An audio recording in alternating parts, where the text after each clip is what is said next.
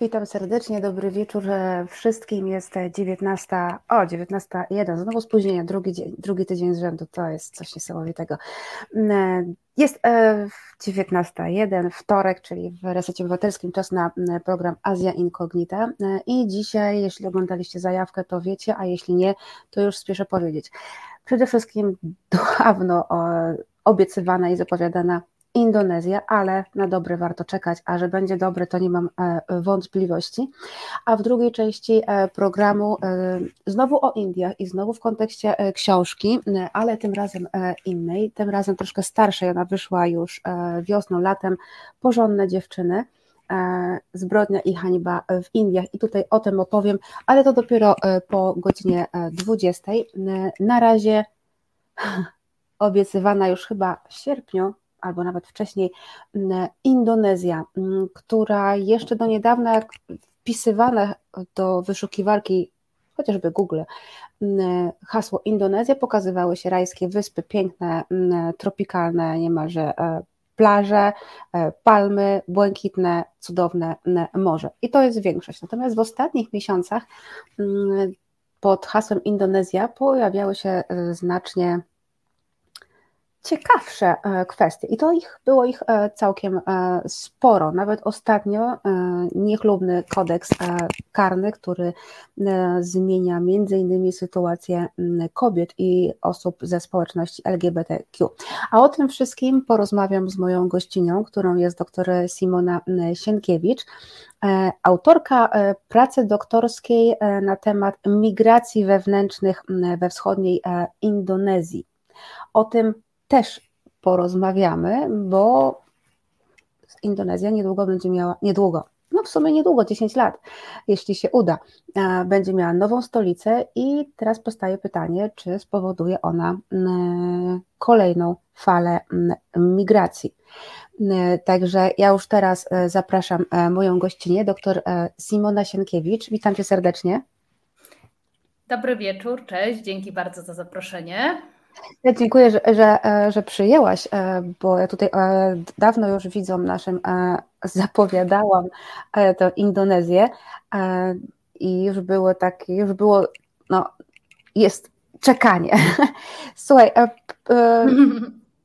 tak jak powiedziałam właśnie, że wcześniej o Indonezji w ciągu ostatniego roku zrobiło się głośno i to w kilku, w kilku kwestiach.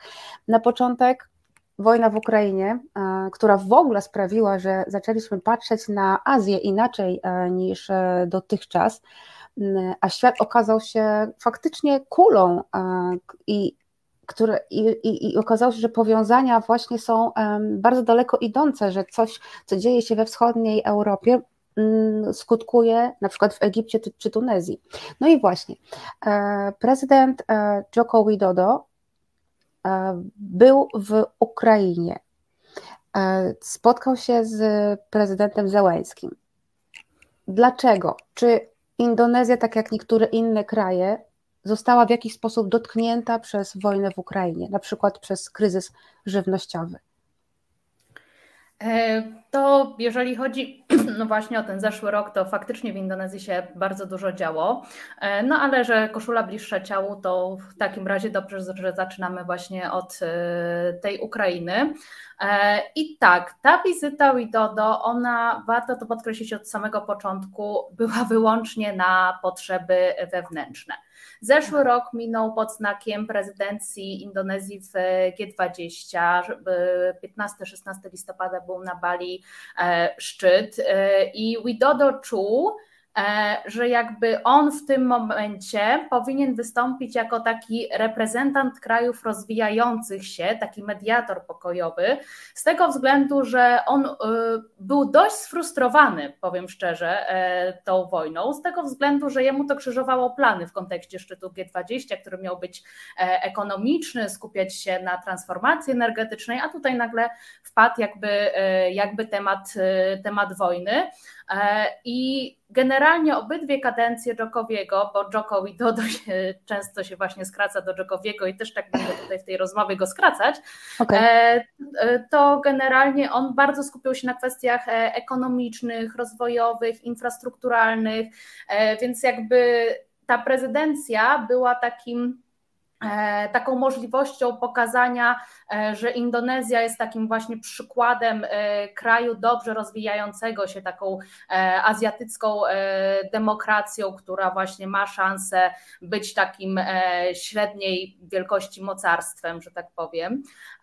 No ale ta wizyta właśnie mm, miała na celu to, żeby jakby zagwarantować przepływ E, towarów żywnościowych, z tego względu, że przez wojnę e, pojawił się problem z transportem zboża z Ukrainy i też właśnie Dżokowi uznał, że e, on w takim razie tutaj będzie mediową, żeby właśnie nie wzrastała ta cena za bardzo te, tych produktów, które są oparte o pszenicę, bo na przykład Indonezja jest drugim importerem zboża z Ukrainy. Hmm. I i to zboże głównie jest u nich używane do tych takich e, instant noodles, takich e, makaronów jak zupek chińskich, tak? No to jest jedna z takich podstawowych, e, jeden z takich podstawowych produktów spożywczych i on wchodzi w skład takich dziewięciu podstawowych produktów spożywczych e, faktycznie, które tam są, e, są zdefiniowane przez, przez władze. No i to zaczęło rosnąć, no i też zaczęła na przykład rosnąć ceny oleju palmowego, tak? Więc Indonezja nawet przez miesiąc miała ban na eksport oleju palmowego, bo te ceny wewnątrz kraju zaczęły bardzo bardzo rosnąć. Ale Jokowi odwiedził właśnie 29 czerwca e, Ukrainę. E, no i zaczął od wizyty w Irpieniu, czyli tam, gdzie Rosjanie popełniali e, zbrodnie wojenne. Też jego żona odwiedziła szpital w Ukrainie. No ale generalnie ta wizyta tam z niej nic nie wynikło, poza tym, że w zasadzie Ukra- e, Zeleński i e, Widodo się dogadali co do tego, że na 30 dni będzie można kraje wzajemnie odwiedzać bez wizy. Co jest takim trochę sztucznym jakby na ten moment problemem z tego względu, że obecnie do Indonezji wszystkie kraje muszą wykupywać wizę, więc jakby to jakiś taki problem na przyszłość.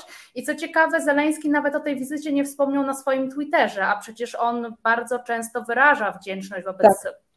liderów z różnych krajów e, publicznie właśnie w mediach społecznościowych. O tej wizycie cicho. A dlaczego o niej było cicho, to zaraz do tego przejdę.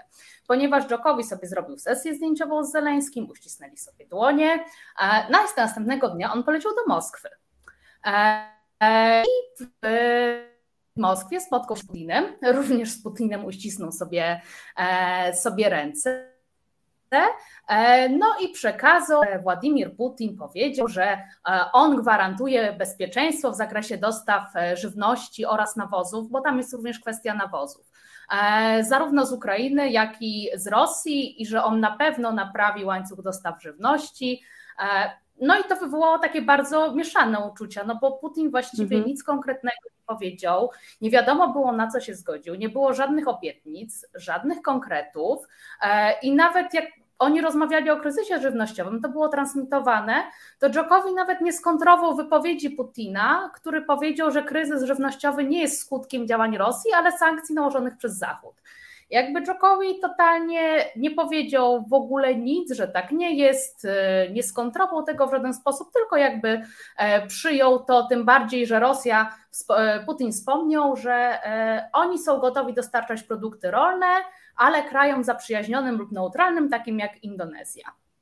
No i też pojawiły się jakieś tam deklaracje dotyczące współpracy nad rozwojem energii nuklearnej czy e, rozbudowy linii kolejowych. I co ciekawe, w trakcie tej wizyty Putin odwoływał się do historycznych połączeń między Związkiem Radzieckim a Indonezją. A co ciekawe, no w Indonezji komunizm jest totalnie jakby zakazany do propagowania.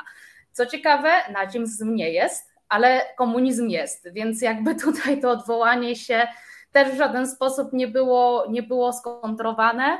E, no i też podkreślano to, że e, rosyjscy muzułmanie jeżdżą właśnie na przykład do Indonezji się kształcić i tak dalej, i tak dalej. Także to było takie właśnie nostalgiczne spojrzenie i odwołanie się do jakichś takich no, zalążków relacji rosyjsko-indonezyjskich, bo one nie są jakoś mocno e, rozwinięte. Jednak to, co wzbudziło taki skandal wręcz, to to, mhm. że Dżokowi pokazał publicznie, że on e, dostał od Zeleńskiego wiadomość tajną, którą miał przekazać Putinowi. No a właśnie jakby legitymizacja Zeleńskiego leży w tym, że on nie rozmawia z Putinem po popełnionych zbrodniach wojennych, prawda? A tak. tymczasem tutaj tak. wyskakuje indonezyjski prezydent, który mówi, że on przekazał tajną wiadomość. Jak ta wiadomość była tajna, no to raczej nie powinien pisać w social mediach, że przekazywał tajną, e, tajną wiadomość. I jakby Ukraińcy się totalnie od, e, od tego odcięli. E, ale prawda jest taka, że to, że Dżokowi powiedział o tej sekretnej wiadomości, wskazuje, że jemu wcale nie zależało na dobrym Ukraińców, na mediacjach, e, ale zależało mu na wzmocnieniu po pozycji wewnętrznej, ponieważ wewnętrznie ta wizyta była ogromnym sukcesem, natomiast na międzynarodowo ona była bardzo krytykowana i była porażką, bym powiedziała. Bo w kraju to się nawet e, pojawiały wezwania, e, między innymi w takim e, programie informacyjnym Liputam Enam, który jest w jednej z czołowej stacji, stacji telewizyjnych SCTV, że Czokowi za te wizyty to w ogóle powinien do, takie, takie zapadły. E, więc e, on pragmatycznie tę wizytę wykorzystał do swoich interesów, bo chciał wzmocnić swoje właśnie wewnętrzne e, poparcie, pokazać, że on jakby może zabezpieczyć dostaw żywności. No i też właśnie pokazać, że Indonezja w polityce zagranicznej jest takim krajem, któremu przyświeca utrzymanie balansu, szczególnie w stosunku do e, wielkich mocarstw.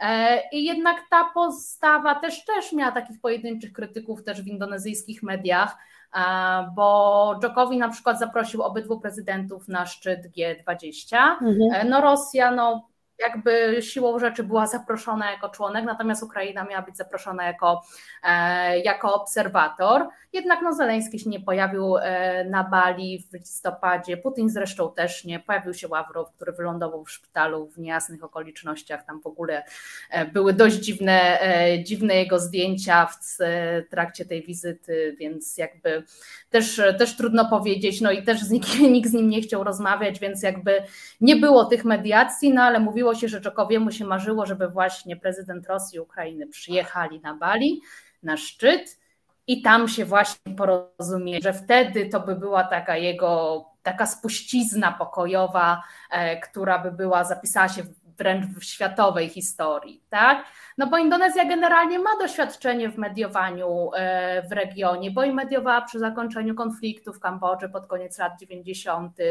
E, też jeżeli chodzi o Filipiny w latach 90., to też tam e, wspomagała mediację między rządem separatystami muzułmańskimi na południu. Też po klonie Nargis w Birmie nam przemawiali e, rząd birmański, huntę właściwie, żeby wpuścili pomoc e, humanitarną, więc tam e, w te sprawy w Azji Południowo-Wschodniej Indonezja się angażuje i jakoś tak chcieli właśnie, Dżokowi ewidentnie chciał wyjść przez szereg i pokazać, że też jest coś w stanie zrobić na świecie, no ale no niestety okazało się, że że nie jest. Chciał być trochę jak Sukarno, czyli pierwszy prezydent Indonezji, który też w latach 50. E, organizował na przykład e, konferencję w Bandungu, taką, która to się nazywała Konferencja Azja-Afryka i też właśnie ona miała być taką kontrą dla tego świata podzielonego na blok wschodni i zachodni.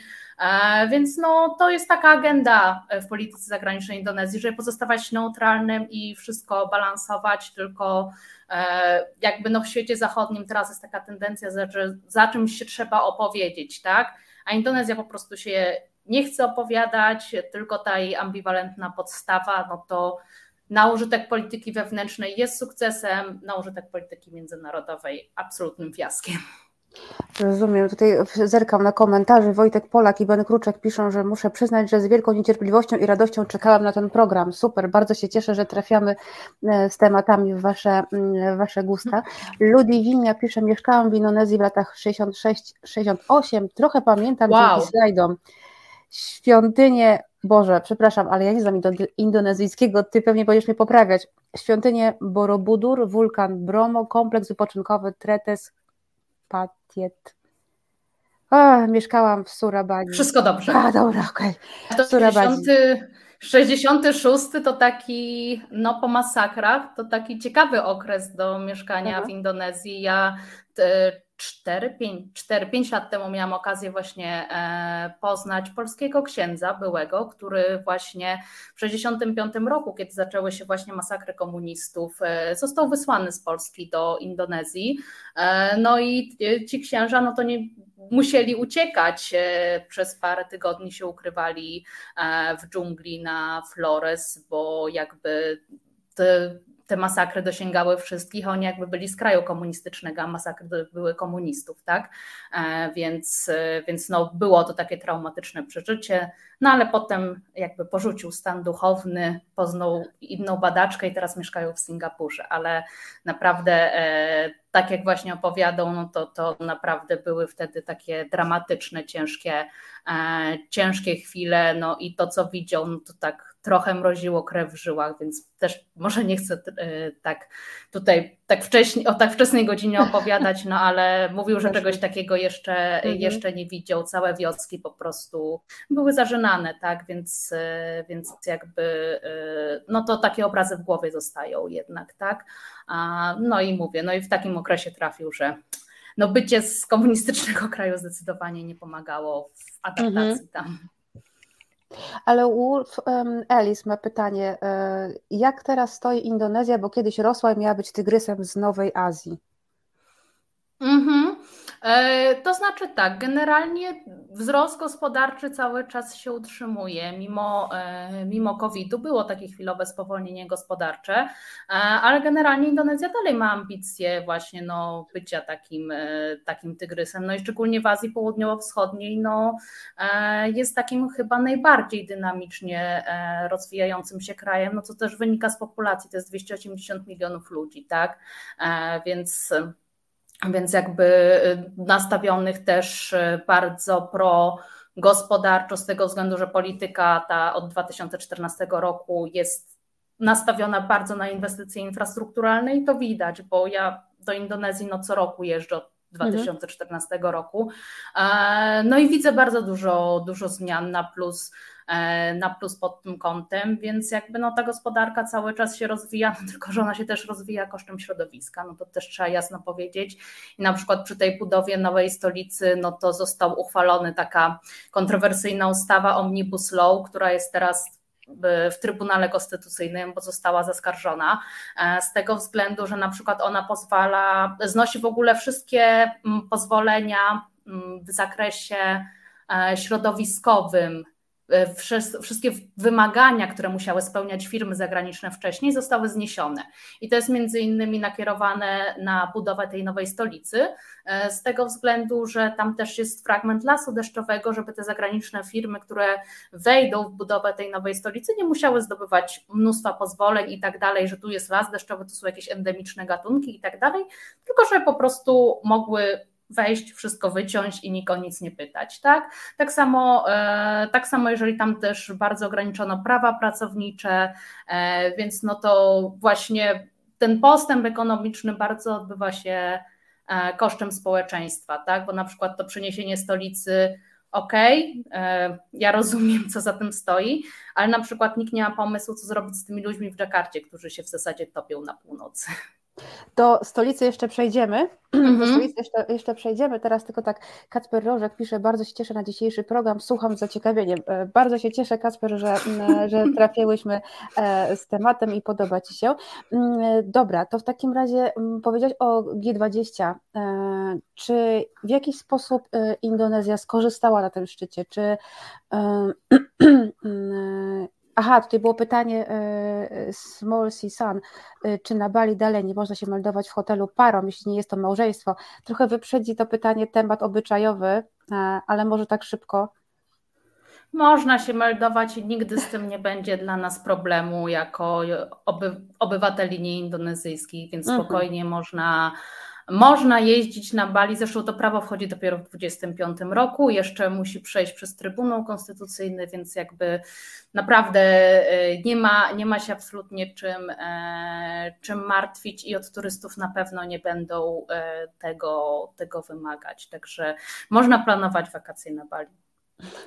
Dobrze, znaczy nie polecam, nie polecam wakacji w prowincji Aceh, no bo tam faktycznie jest prawo szariatu i e, tam się nie można meldować, nawet jak jest się z zachodu, jak się nie jest małżeństwem, ale mhm. generalnie w całej, e, w całej Indonezji e, no to może potem do tego właśnie tak, przejdę, no, bo tak. to, mhm. no bo to jest też taki bardziej złożony problem, bo to chodzi o to, że to już formalnie istniało od dawna mhm. E, takie społeczne właśnie e, brak przyzwolenia społecznego, bym raczej powiedziała na to, żeby te pary, które nie są małżeństwem, się nie meldowały razem. Także, e, ale to do tego przejdziemy. I teraz o G20 się pytałaś, tak? Tak, tylko Small Sisan jest uspokojony, pisze to luzik, więc rozumiem, że jedzie do, do Indonezji na wakacje. Tak, G20, czy coś Indonezja z tego wyciągnęła, jakieś, jakieś efekty? Mhm.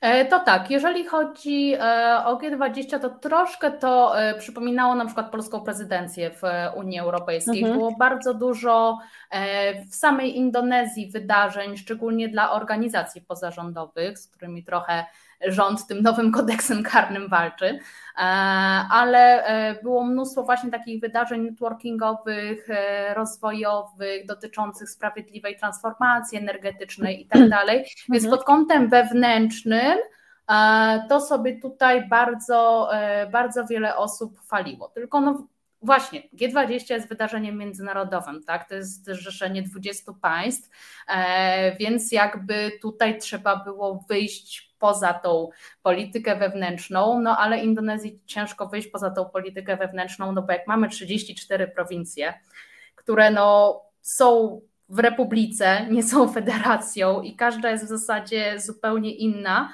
e, to naprawdę jakby jak rządzić 34 różnymi państwami, tak?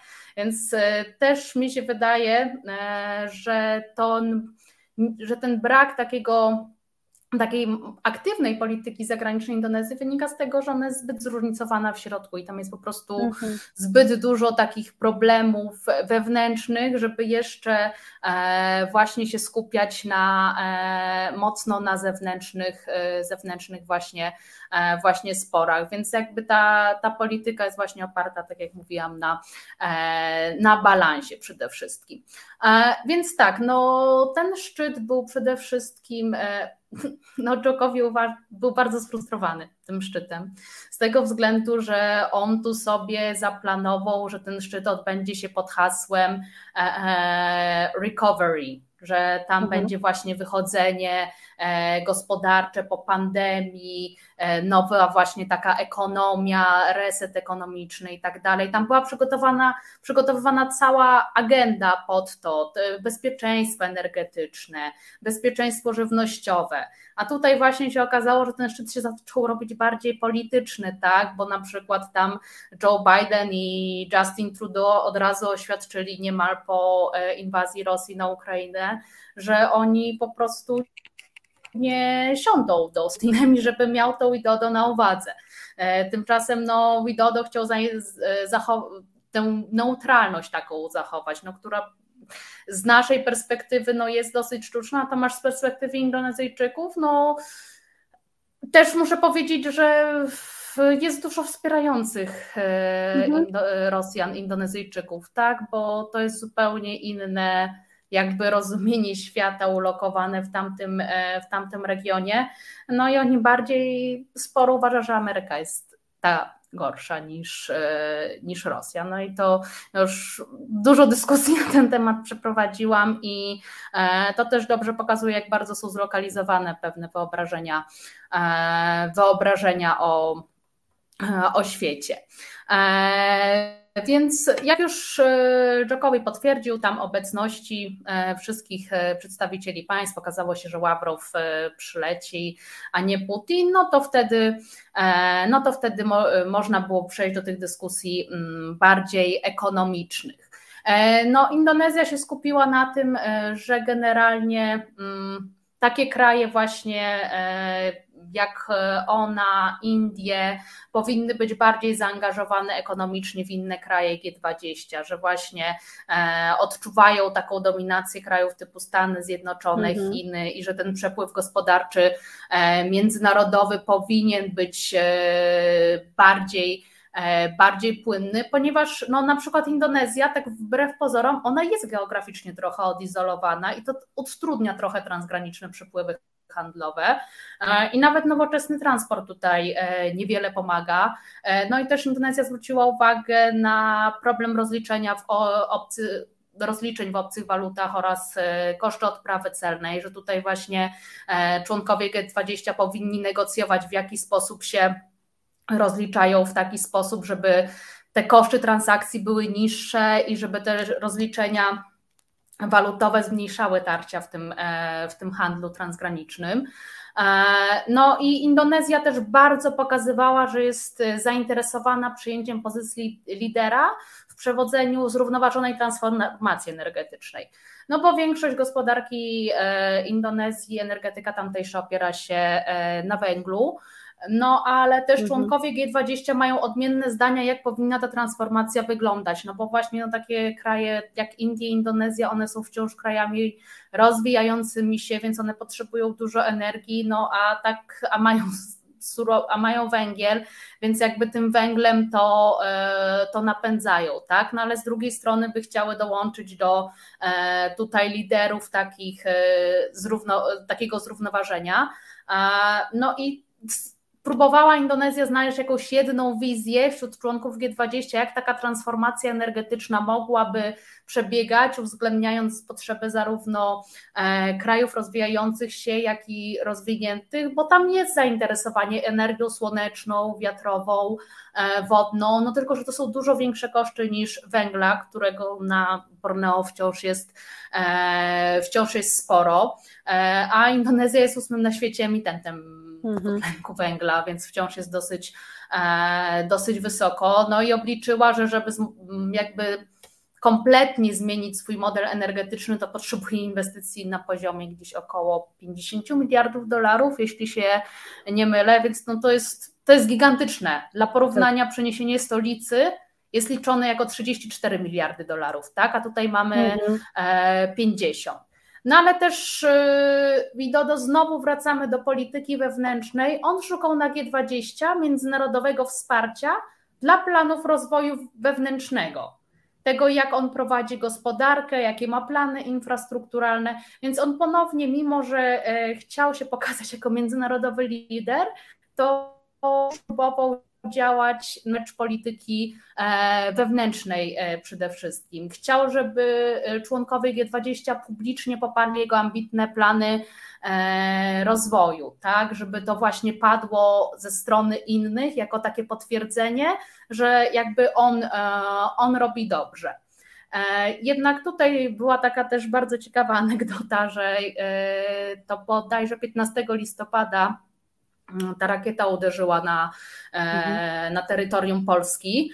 E, no i wtedy był ten szczyt G20 i dla Djokoviego to było tak okropnie frustrujące, e, no że wtedy Twitter indonezyjski, no przynajmniej ten, który ja obserwuję, no to wybuchł tak, takim, no bym powiedziała, śmiechem z tego względu, że Djokovic nie zabierał głosu na ten temat, tylko zabrał dziennikarzy na posadzone z okazji G20 mangrowce, E, I właśnie on im pokazywał te mangrowce. On w ogóle chciał się odciąć politycznie od tego, co się działo, a tymczasem tam Biden komentował, e, mhm. inni, e, inni politycy też komentowali właśnie, właśnie to wydarzenie, a Dżokowi totalnie nie, więc jeżeli chodzi o jego zaangażowanie w, w ten konflikt rosyjsko-ukraiński, to on, to on się zakończył na tej wizycie pod koniec czerwca, gdzie liczył, że dzięki niemu się obie strony dogadają. Nie wiem na jakiej podstawie, ale, ale tak liczył. No i nie udało się, tutaj mu jeszcze po prostu to szczyt zepsuło, więc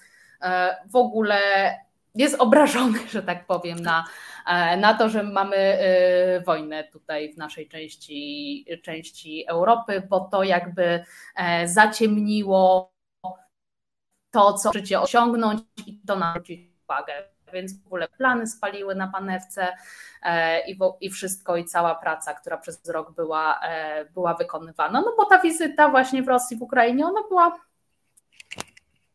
tylko po to, żeby zmniejszyć napięcia polityczne, żeby G20 było mhm. o tym, o czym o, o tym, o Czedokowi, a nie o tym, o czym warto naprawdę e, porozmawiać. Więc, więc jakby mhm. nic szczególnego z tego nie wyniknęło. No jestem ciekawa, bo w tym roku z kolei Indie przejmują po Indonezji rolę gospodarza e, G20. Tak też państwo, też państwo, które mm, zachowuje dosyć specyficzną, um, specyficzną e, postawę. Właśnie, przepraszam cię, e, Simona, ja miałam powiedzieć um, rozmówcom, i tym, którzy w zeszłym tygodniu się domagali e, kwestii e, indyjsko-rosyjskiej. Jest już mój tekst na Nowej Europie Wschodniej, na portalu, możecie znaleźć. E, Indie kupują ropę od Rosji, ale patrzą na Zachód, jakoś taki tytuł. Także przepraszam Cię bardzo, ale obiecałam, że to powiem, a jak nic potem zapomnę. Autopromocja. nie, nie, obiecałam bo mieliśmy rozmowę o Indiach e, i ten wątek się e, przewijał, ja obiecałam, że właśnie, e, że powiem. Wojtek Polak, Indonezja jest dla mnie naprawdę prawdziwą terra incognita, więc proszę o wybaczenie za głupie pytania. Nie ma głupich pytań. Azja incognita powstała po to, żeby odpowiadać na wszystkie takie pytania. Nie ma głupich pytań. Czy Indonezja ma jakieś konflikty o granice albo zaszłości historyczne typu Korea, Japonia? Uh, no, jeżeli chodzi o separatyzm, no to dalej Papua e, Zachodnia, która, no, Papua Zachodnia i Papua, tam są dwie prowincje w tej zachodniej części e, Nowej Gwinei. E, no to tutaj jest cały czas problem, tak? Tam separatyści działają, mm, więc e, też na przykład jak się jedzie tam, no to trzeba specjalne pozwolenie w Dżakarcie e, wyrobić e, z tego względu, no, że bardzo łatwo wpaść w jakąś sieć oskarżeń o to, że się właśnie ten lokalny, mm, lokalny separatyzm e, wspiera. No, to, to, jest, to jest część, która została przyłączona do Indonezji de facto dopiero w latach 60. i to na podstawie bardzo kontrowersyjnego referendum, więc oni od tamtej pory cały czas te organizacje lokalne mhm. próbują, próbują jakby e, nie autonomię nawet, tylko niepodległość e, odzyskać, no ale to też jest dosyć złożone z tego względu, że tam są duże złoża surowców naturalnych, między innymi złota, więc też na przykład Australia tak po cichu wspiera właśnie te ambicje niezależności Papui Zachodniej. No ale właśnie no położenie geograficzne tutaj bardzo dużo mm, mówi, z tego względu, że na przykład no, mamy Timor, tak, który w porządku odzyskał niepodległość e, od Indonezji w 1999 mhm. roku, no ale e, generalnie ten kraj się wciąż nie rozwija, tak, no bo on nie ma nie ma z kim, e, z kim handlować. Też na przykład Australijczycy mm, zawierają z nim takie abusywne e, umowy dotyczące wydobycia e, ropy czy gazu na ich, na ich terytorium morskim. Więc jakby uzyskanie niepodległości w tamtym regionie wiąże się właśnie we wpadnięcie w sidła, uzależnienie takie od mhm. Australii. Na przykład no, ja rozumiem generalnie aspiracje Papuasów, tylko na przykład tam jest problem, że ponad 50% mieszkańców to już są przesiedleni Indonezyjczycy mhm. w prowincjach Papua i Papua Zachodnia. No i co w takiej sytuacji? Co wtedy tych ludzi trzeba by było ponownie przesiedlić? No bo to nie jest tak, że tam wszyscy to wspierają, prawda? No, że tam jest pewna grupa, która, e, która to wspiera, no ale generalnie tam nie ma jakiegoś takiego dużego bardzo poparcia dla tego e, separatyzmów, a czy było bardzo duże poparcie do tsunami. Mhm. I tam w zasadzie do tsunami e, walczono o niezależność, no ale przyszło tsunami w 2004 roku. E, no i Aceh też jest autonomiczną prowincją na specjalnych prawach, z tego względu, że tam jest prawo szariatu, co już wcześniej wspominałam. Jednak jednak oni zdecydowali się właśnie na to przyłączenie do Indonezji, bo to odbudowa po tsunami jako nowo powstałego, niezależnego, niepodległego państwa, no, byłaby wręcz niemożliwa, więc to przyłączenie się do Indonezji też, e, też wynikało właśnie z tego, żeby jak najszybciej e, tam to życie wróciło, wróciło do, do normy. No to, to są takie trzy właśnie te problematyczne. No też w latach 50. Indonezja sobie na Malezję zakusy, zakusy robiła, ale to już to że tak powiem, dawne, dawne czasy i jakby tam nie ma, mm, nie ma roszczeń terytorialnych. E, no ale te problematyczne to Acze właśnie było, już nie jest problematyczne. E, no było przez ponad 100 lat problematyczne, więc dość długo.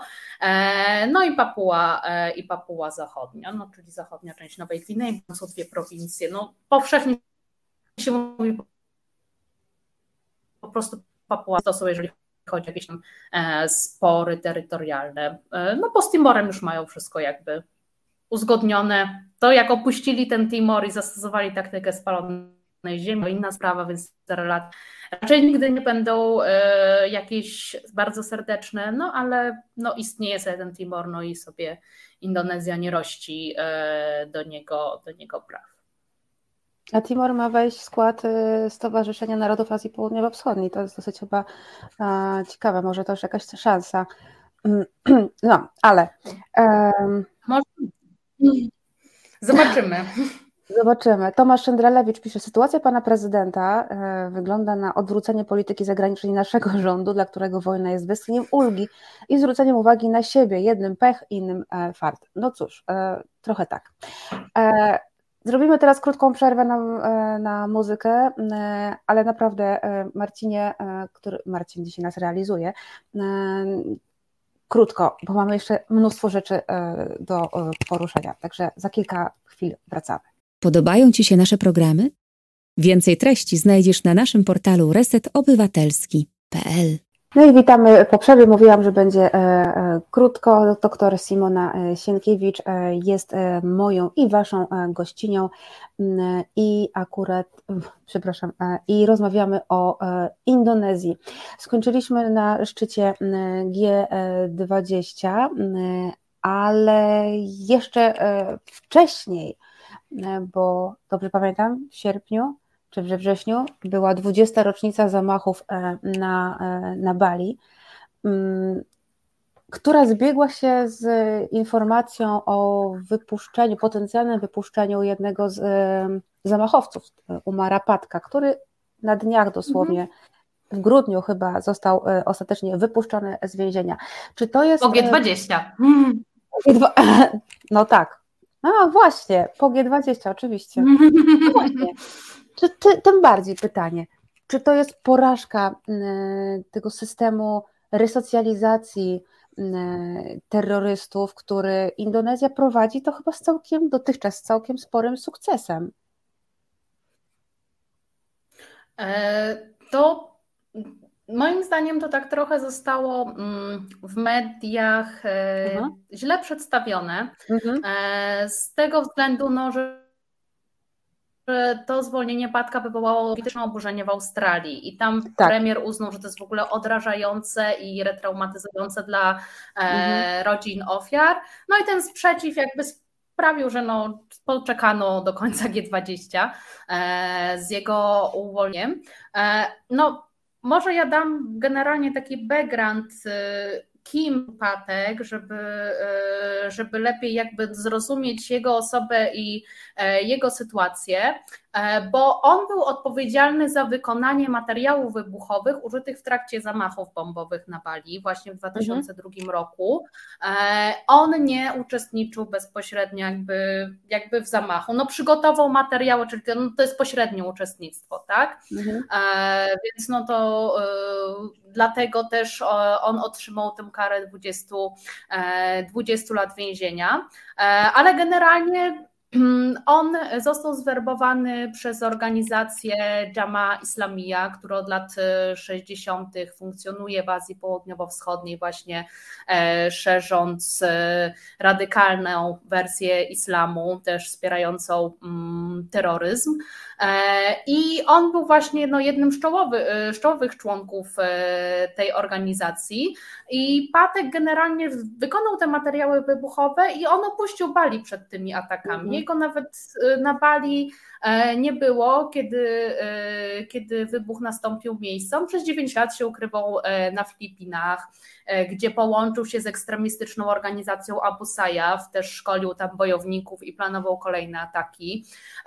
Potem był w Pakistanie i w tym Pakistanie został w styczniu 2011 roku złapany przez wojska amerykańskie po w pobliżu krajówki Bin Ladena w ogóle. E, mhm. I za jego głowę była wyznaczona nagroda w wysokości e, miliona dolarów i pojmały go właśnie pakistańskie służby bezpieczeństwa po informacjach przekazanych im przez e, CIA. Potem miała miejsce ekstradycja do Indonezji. No i w swoim kraju Patek uzyskał pomoc lekarską, otrzymał też no, opiekę taką e, po stronie stróżów, e, stróżów prawa. No i prawdopodobnie właśnie on twierdzi tak, że to dobre nastawienie indonezyjskich obywateli, mimo tego, co on zrobił, sprawiło, że on zaczął zmieniać tę swoją radykalną postawę. I mhm. nawet on już podczas procesu E, wyraził skruchę e, i próbował przekonać sąd, że on owszem wykonał te bomby, ale on nie wiedział, jak mają być wykorzystane. Bo tego nie wiemy, tak, czy, e, czy on się bronił, czy, czy kłamał, czy nie. No, jakby bronił się w sądzie, więc mógł powiedzieć wszystko. No i też wtedy przeprosił rodziny ofiar. No i on te bomby, w ogóle te materiały wybuchowe, on się nauczył robić w latach 90. w Pakistanie i Afganistanie. No i jak Patek wyszedł y, w zeszłym, y, no w grudniu zeszłego roku z więzienia, no to on od razu przeprosił nie tylko mieszkańców Bali, ale też wszystkich Indonezyjczyków, Australijczyków, rodziny ofiar. E, I po wyjściu z więzienia on od razu skierował się. Mm, tylko teraz proszę chwilę poczekać, bo to może źle zabrzmieć, do byłego bojownika Aliego Fauziego, który był jego wieloletnim przyjacielem, ale obecnie Ali Fauzi prowadzi program deradykalizacji bojowników w Tengulun na Jawie Wschodniej. I Patek został tam e, ciepło przyjęty i twierdzi, że pod opieką Fauziego właśnie odnajduje się w tym programie deradykalizacji i też pomaga się innym bojownikom deradykalizować. Mhm. E, i mm, żeby właśnie ci uczestnicy tego programu mogli w pełni zrozumieć niebezpieczeństwa płynące z terroryzmu oraz radykalizmu. Bo deradykalizacja generalnie oznacza porzucenie, e, porzucenie tych radykalnych poglądów, tak, że e, można wyznawać konserwatywną wersję islamu, no ale no, nie chce mieć żadnych powiązań na przykład z terroryzmem, tak, no to to jest, to ta deradykalizacja ma właśnie na celu przekierowanie na umiarkowane e, umiarkowane wersje islamu. E, no i Fauzi został mentorem właśnie Patka, i obaj przyznali, że to wcześniejsze zwolnienie może być bolesne dla rodzin ofiar, ale mają nadzieję, że będą w stanie mu wybaczyć. E, co ważne, Patek do 2030 roku pozostaje pod nadzorem policyjnym, mhm. więc generalnie on cały czas e, i tak będzie, e, będzie kontrolowany, ale postać tego Fauziego jest bardzo ciekawa, bo jego bracia, oni właśnie przeprowadzili zabach na Bali, czyli Amrozi bin Nursahim i Ali Gufron oraz trzeci zamachowiec, Imam Samudrat to byli bracia Fauziego i oni zostali straceni w 2008 roku, e, ale oni nigdy nie wyrazili skruchy. E, mhm. I uważali, że tymi zamachami oni ukarali Stany Zjednoczone i sojuszników za Afganistan. E, I Fauzi, który właśnie teraz prowadzi ten program deradykalizacji, on był ze względu na swoje koneksje rodziny, no bo jakby jego bracia zabili ponad 200 osób, więc był poszukiwany przez policję, ale on w momencie zamachu przebywał w ogóle na wyspy Sulawesi i nie był oskarżony nigdy oficjalnie o uczestnictwo w zamachach, ale spędził e, miesiące w dżakarskich aresztach po tych wydarzeniach. E, I on miał jeszcze jednego brata, Aliego Imrona, i on też był zamachowcem z Bali, także wspaniała rodzina. E, I Mama jest dumna. Tak, Ali Imron został skazany na dożywocie, bo on okazał skruchę i przekazał śledczym istotne, e, istotne informacje dotyczące Jama Islamija, które pomogły pojmać także innych, e, innych terrorystów. No i indonezyjskie władze uważają, że Patek został skutecznie zderadykalizowany i chcą wykorzystać jakby jego osobę jako taki przykład, który może wpłynąć na innych bojowników w procesie wyrzekania się e, aktów e, terroryzmu. Także no tutaj ponownie Indonezja stawia na politykę wewnętrzną i to, co im służy wewnętrznie, a nie to, co myślą sobie Australijczycy. Hmm. Kapitan Stratford głupcy zrobiliby zamach samobójczy, spotkaliby się z chorysami. No dwóch e, się spotkało z chorysami, bo to był zamach samobójczy, oni mieli tak. kamizelki na sobie i dwóch chłopaków się, e, się wysadziło. Mm, natomiast no reszta, no to tak jak już, tak jak już powiedziałaś. E, ten program e, jest dosyć ciekawy, ale oczywiście nie zdążymy już o nim powiedzieć, e, bo ja widziałam zdjęcia, nagrania z jakichś farm, na których ci. Ja pracują. napisałam artykuł, tak. O, Więc jakby ktoś chciał sobie doczytać o tej radykalizacji mhm. to jest książka Zderadykalizować radykała pod redakcją profesor Katarzyny Górak-Sosnowskiej e, i tam znajduje się mój rozdział e, na temat deradykalizacji, więc generalnie jeżeli ktoś chciałby sobie doczytać, no bo to faktycznie no jest bardzo złożona bo to przez ostatnie 20 lat się zmieniało, Mhm. No i to jest w sumie e, bardzo, bardzo ciekawe, że Indonezja naprawdę walczy e, z radykalnymi odłamami e, islamu. Chociaż się wydaje, że nie walczy, ale jednak, mhm. jednak walczy to bardziej powiem e, przy okazji tego kodeksu karnego i tam właśnie też są wszystkie, wszystkie niuanse w tym rozdziale e, wyłuszczone, więc jakby ktoś chciał e, sobie doczytać, to może będzie szybciej, jak po prostu polecę rozdział w tej książce, niż jakbym miała teraz tutaj opowiadać, bo jeszcze mamy kodeks karny stolicę, mamy jeszcze trochę do właśnie, omówienia. Właśnie, właśnie, właśnie. A ty, ty też nie, no, no nie możesz na poświęcić y, całego czasu. Dobra, słuchaj, właśnie, kodeks karny. E, świat zachodni zatrzymał się na jednym słowie, jak zawsze, seks, a, a to jest troszeczkę coś mhm. więcej. Mm. Tak. To jest, y, to jest zdecydowanie coś więcej i mm, powiem, y, powiem generalnie, że to jest ciężka rzecz do zrozumienia dla E, dla osób z zewnątrz. No dlatego ja się będę musiała troszkę, e, troszkę w to, e, w to głębi, wgłębić. No bo tak, słyszeliśmy w zachodnich mediach oczywiście, no, że ten zakaz seksu i panika, że nie będzie można jeździć na, na Bali, że ten kodeks jest odcięcie się od czasów kolonialnych. No i Generalnie tak, on zawierał sporo przestarzałych przepisów i nowelizacja kodeksu karnego to już jest temat w zasadzie od lat 80., czyli jeszcze w autorytarnym reżimie generała Sarto próbowano dokonać tej nowelizacji, ale wszystkie projekty zostały e, odrzucone. W 1998 roku Indonezji rozpoczęły się przemiany e, demograficzne i ten, e, ta, te próby nowelizacji ponownie pojawiły się na tapecie, ale tym razem były związane z ideologicznymi przepychankami między nacjonalistami e, w parlamencie, którzy dążyli do całkowitego oczyszczenia indonezyjskiego mhm. prawa spływów holenderskich, a konserwatystami religijnymi, którzy w nowelizacji dostrzegali potencjał do przepchnięcia przepisów regulujących publiczne standardy e, moralności. Bo też właśnie myślę, że to jest dobry moment, żeby powiedzieć, E, że generalnie to, co zszokowało najbardziej społeczność międzynarodową, jest niekoniecznie problematyczne dla e, Indonezyjczyków, z tego względu, że bym powiedziała, że tam około 90% społeczeństwa naprawdę nie ma problemu z tym zakazem seksu pozamałżeńskiego, bo dla nich to jest tak oczywiste jak oddychanie, tak? Tak. E, więc jakby no oczywiście wśród, y, to jest kraj, w którym 90% stanowią muzułmanie, którzy no mhm. jednak y, te standardy moralności e, są przez nich, e, są przez nich raczej przestrzegane. Wiadomo, no są młodzi ludzie w Dżakarcie, są młodzi ludzie w Dżakarcie, są Indonezyjczycy na Bali, którzy jakby nie przestrzegają tego, no ale większość przestrzega. A Indonezja jest społeczeństwem kolektywnym, który generalnie e, w swojej demokracji niekoniecznie dba o prawa mniejszości, tylko raczej patrzy na to, co jest e, jakby wyznawane przez, e, przez większość.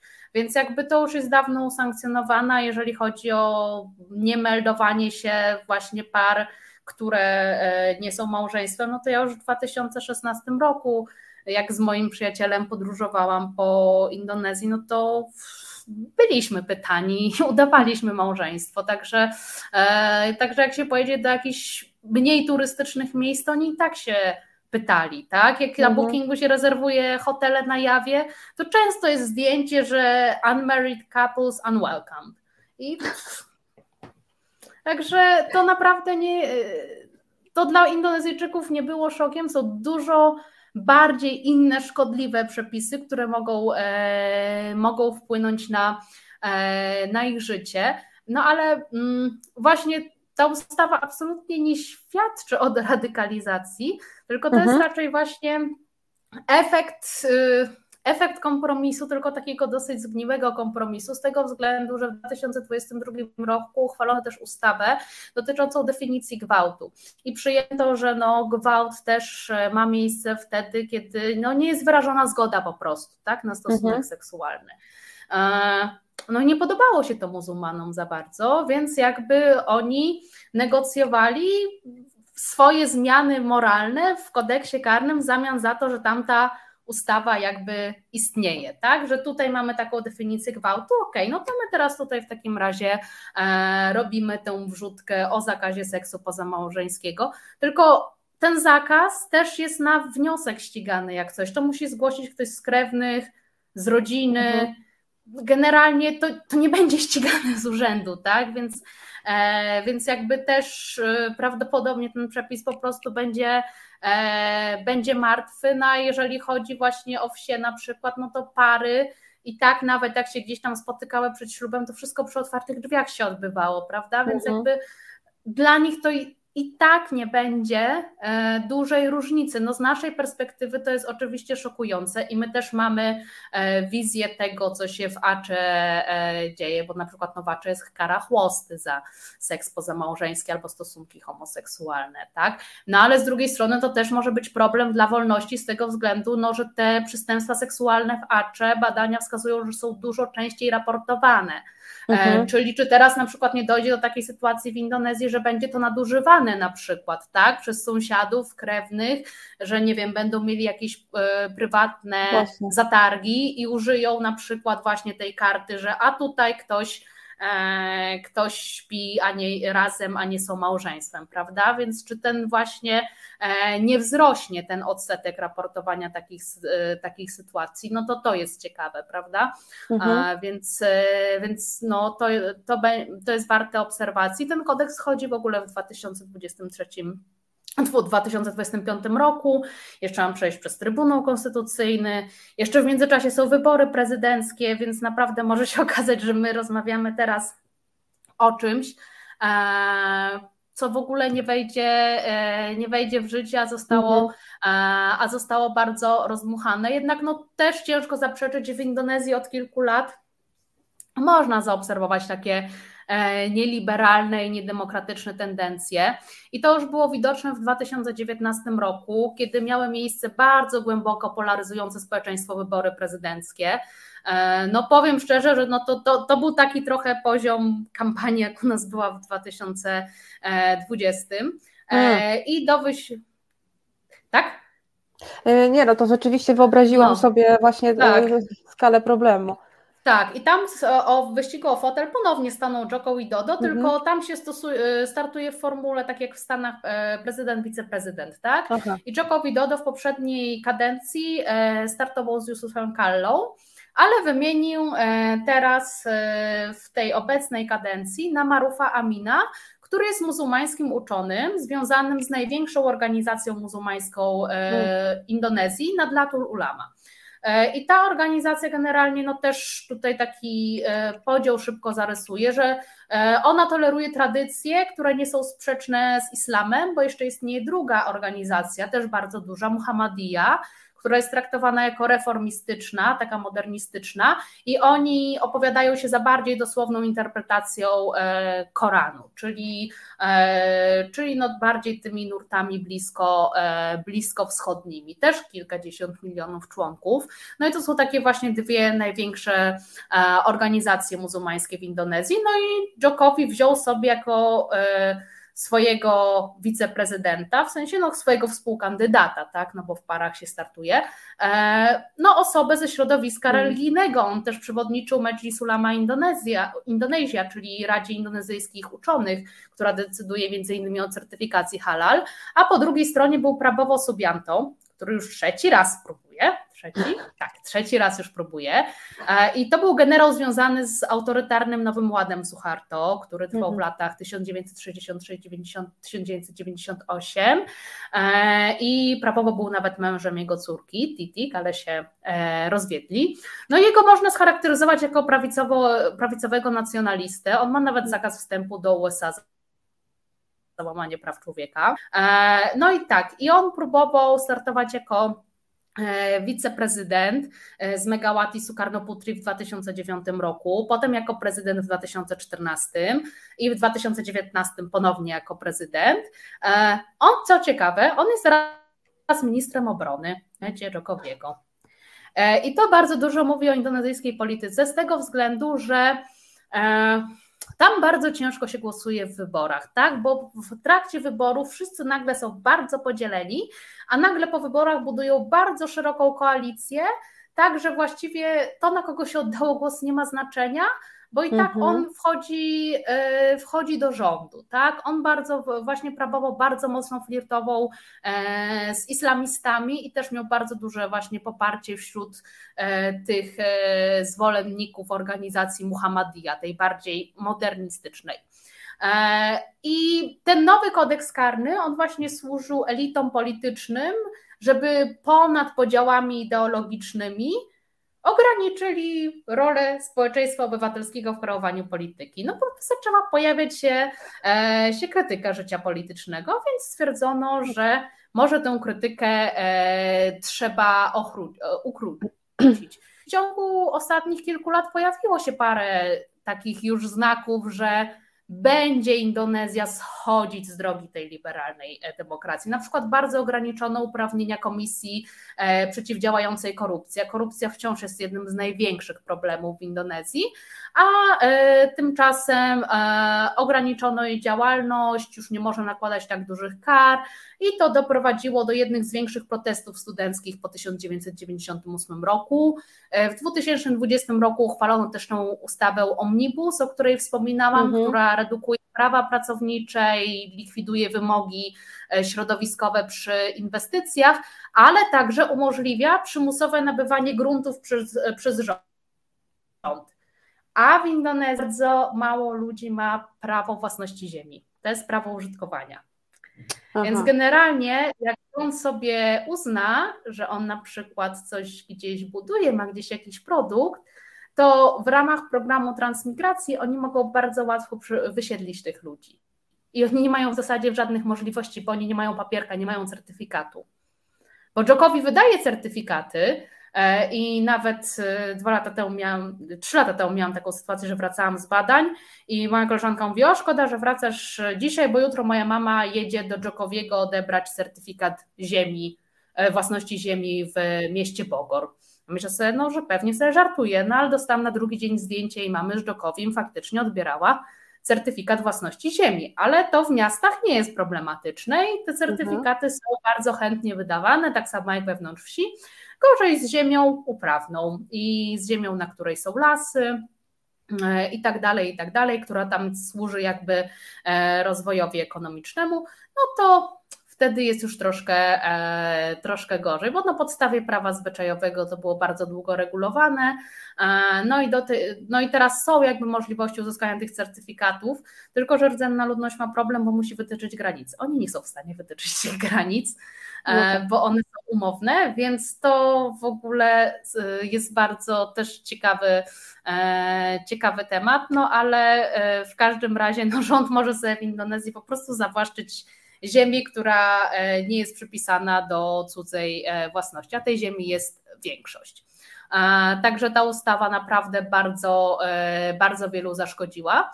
No i to ona wskrzesza takie trochę elementy autorytarnej Indonezji, bo te protesty studenckie w 2019 roku zostały mocno stłumione. Były, były osoby ranne, ponad 200 osób zostało rannych, dwie osoby zginęły. I co ciekawe, uczestnicy tych protestów to byli byli wyborcy Dżokowiego, których rozczarował ten jego brak reakcji, niechęć do zablokowania ustaw, które de facto naruszały demokrację, tak? I Jokowi też on nie, on nie był w łatwej sytuacji, bo to był pierwszy prezydent, który nie był związany z tym autorytarnym Nowym Ładem Suharto. I on po wygranych wyborach w 2014 roku, on wręcz napotykał opór wewnątrz własnej koalicji w mhm. parlamencie, bo ona go chciała wykorzystać do realizacji własnych interesów. I też dlatego Jokowi zwrócił się ku realizacji projektów infrastrukturalnych i ekonomicznych, bo tam mógł osiągać większe sukcesy ale też jednocześnie stwierdził, że mu nie zaszkodzi mianowanie tych generałów związanych z Nowym Ładem jako doradców, którzy mieli mu pomóc tam w przezwyciężeniu politycznych i biurokratycznych przeszkód. I on bardzo rozbudowywał ten aparat bezpieczeństwa e, i e, on go używał do radzenia sobie z politycznymi oponentami, szczególnie z grupami islamistycznymi, które właśnie prowadziły bardzo polaryzującą kampanię która miała uniemożliwić jego reelekcję. I pierwszą takim oznaką była właśnie sprawa gubernatora Karty Ahoka w 2016 roku, e, kiedy właśnie islamiści, no islamistów ja tutaj rozumiem jako, e, jako radykalnych muzułmanów i oni są mhm. tak w Indonezji nazywani, więc jakby też e, tutaj to od razu jasno powiem. I Wtedy oskarżono go o bluźnierstwo i ten gubernator wylądował w więzieniu na dwa lata, ale zanim go oskarżono, to była seria protestów w Dżakarcie, liczona w dziesiątkach tysięcy, gdzie ci właśnie e, islamiści e, właśnie bardzo dążyli do tego, żeby tego gubernatora skazać i żeby go postawić przed sądem, a sprawa wyglądała tak, że on powołał się na jedną e, sur w Koranie, mm, tam mhm. chyba Al-Maida, e, w której e, żeby nie, wierzy, żeby nie brać pod uwagę tego, co jest tam napisane, czyli że nie, muz, że nie muzułmanin nie może rządzić muzułmanami, bo Ahok był chrześcijaninem. No i to zostało odebrane, że jak tutaj chrześcijanin może się w ogóle do Koranu odwoływać, tak? i w jakiś sposób podważać to, co jest tam e, napisane. E, no i te protesty bardzo zmieniły scenę polityczną w Indonezji. No i Jokowi bardzo się zwrócił przeciwko islamistom. E, I jak ktoś właśnie się pyta o radykalizację w Indonezji, to nie, radykalizacja nie z tego względu, że w 2017 roku zbanowano Hizbut Tahrir Indonesia. Po 19 front Bela Islam, czyli takie e, najbardziej radykalne organizacje. Z tego względu, że mm, konserwatyzm tak, widać, że postępuje, ale mhm. nie radykalizm. Mhm. Więc to są troszkę, troszkę dwie, e, dwie, różne, dwie różne rzeczy, ale jednak właśnie ten, ta niechęć duża Dżokowiego wobec islamistów też jest skierowana wobec jego e, oponentów. Na przykład no, w parlamencie jest e, taka muzułmańska partia prosperującej sprawiedliwości.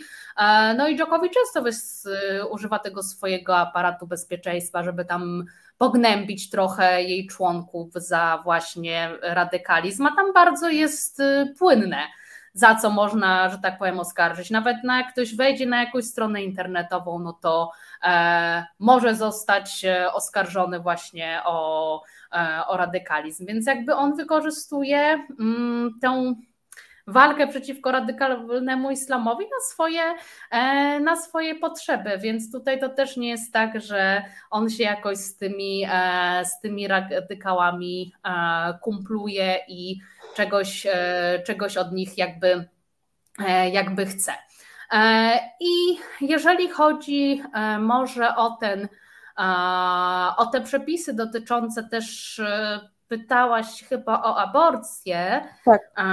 to tam nie było ograniczenia prawa do aborcji e, w tym nowym e, kodeksie karnym, bo generalnie w Indonezji można usunąć tylko w przypadku gwałtu, ale wtedy, gdy mhm. ciąża nie przekracza 14 tygodni, ale i tak to jest niezgodne ze wcześniejszymi ustawami, bo tam jest ustawa o zdrowiu z 2009 roku i tam się zakazuje w ogóle aborcji powyżej 6 tygodnia. Mhm. A e, indonezyjska Rada Ulemów to w ogóle zakazuje aborcji, czyli generalnie wśród muzułmanek to, e, to jest już, już totalny zakaz.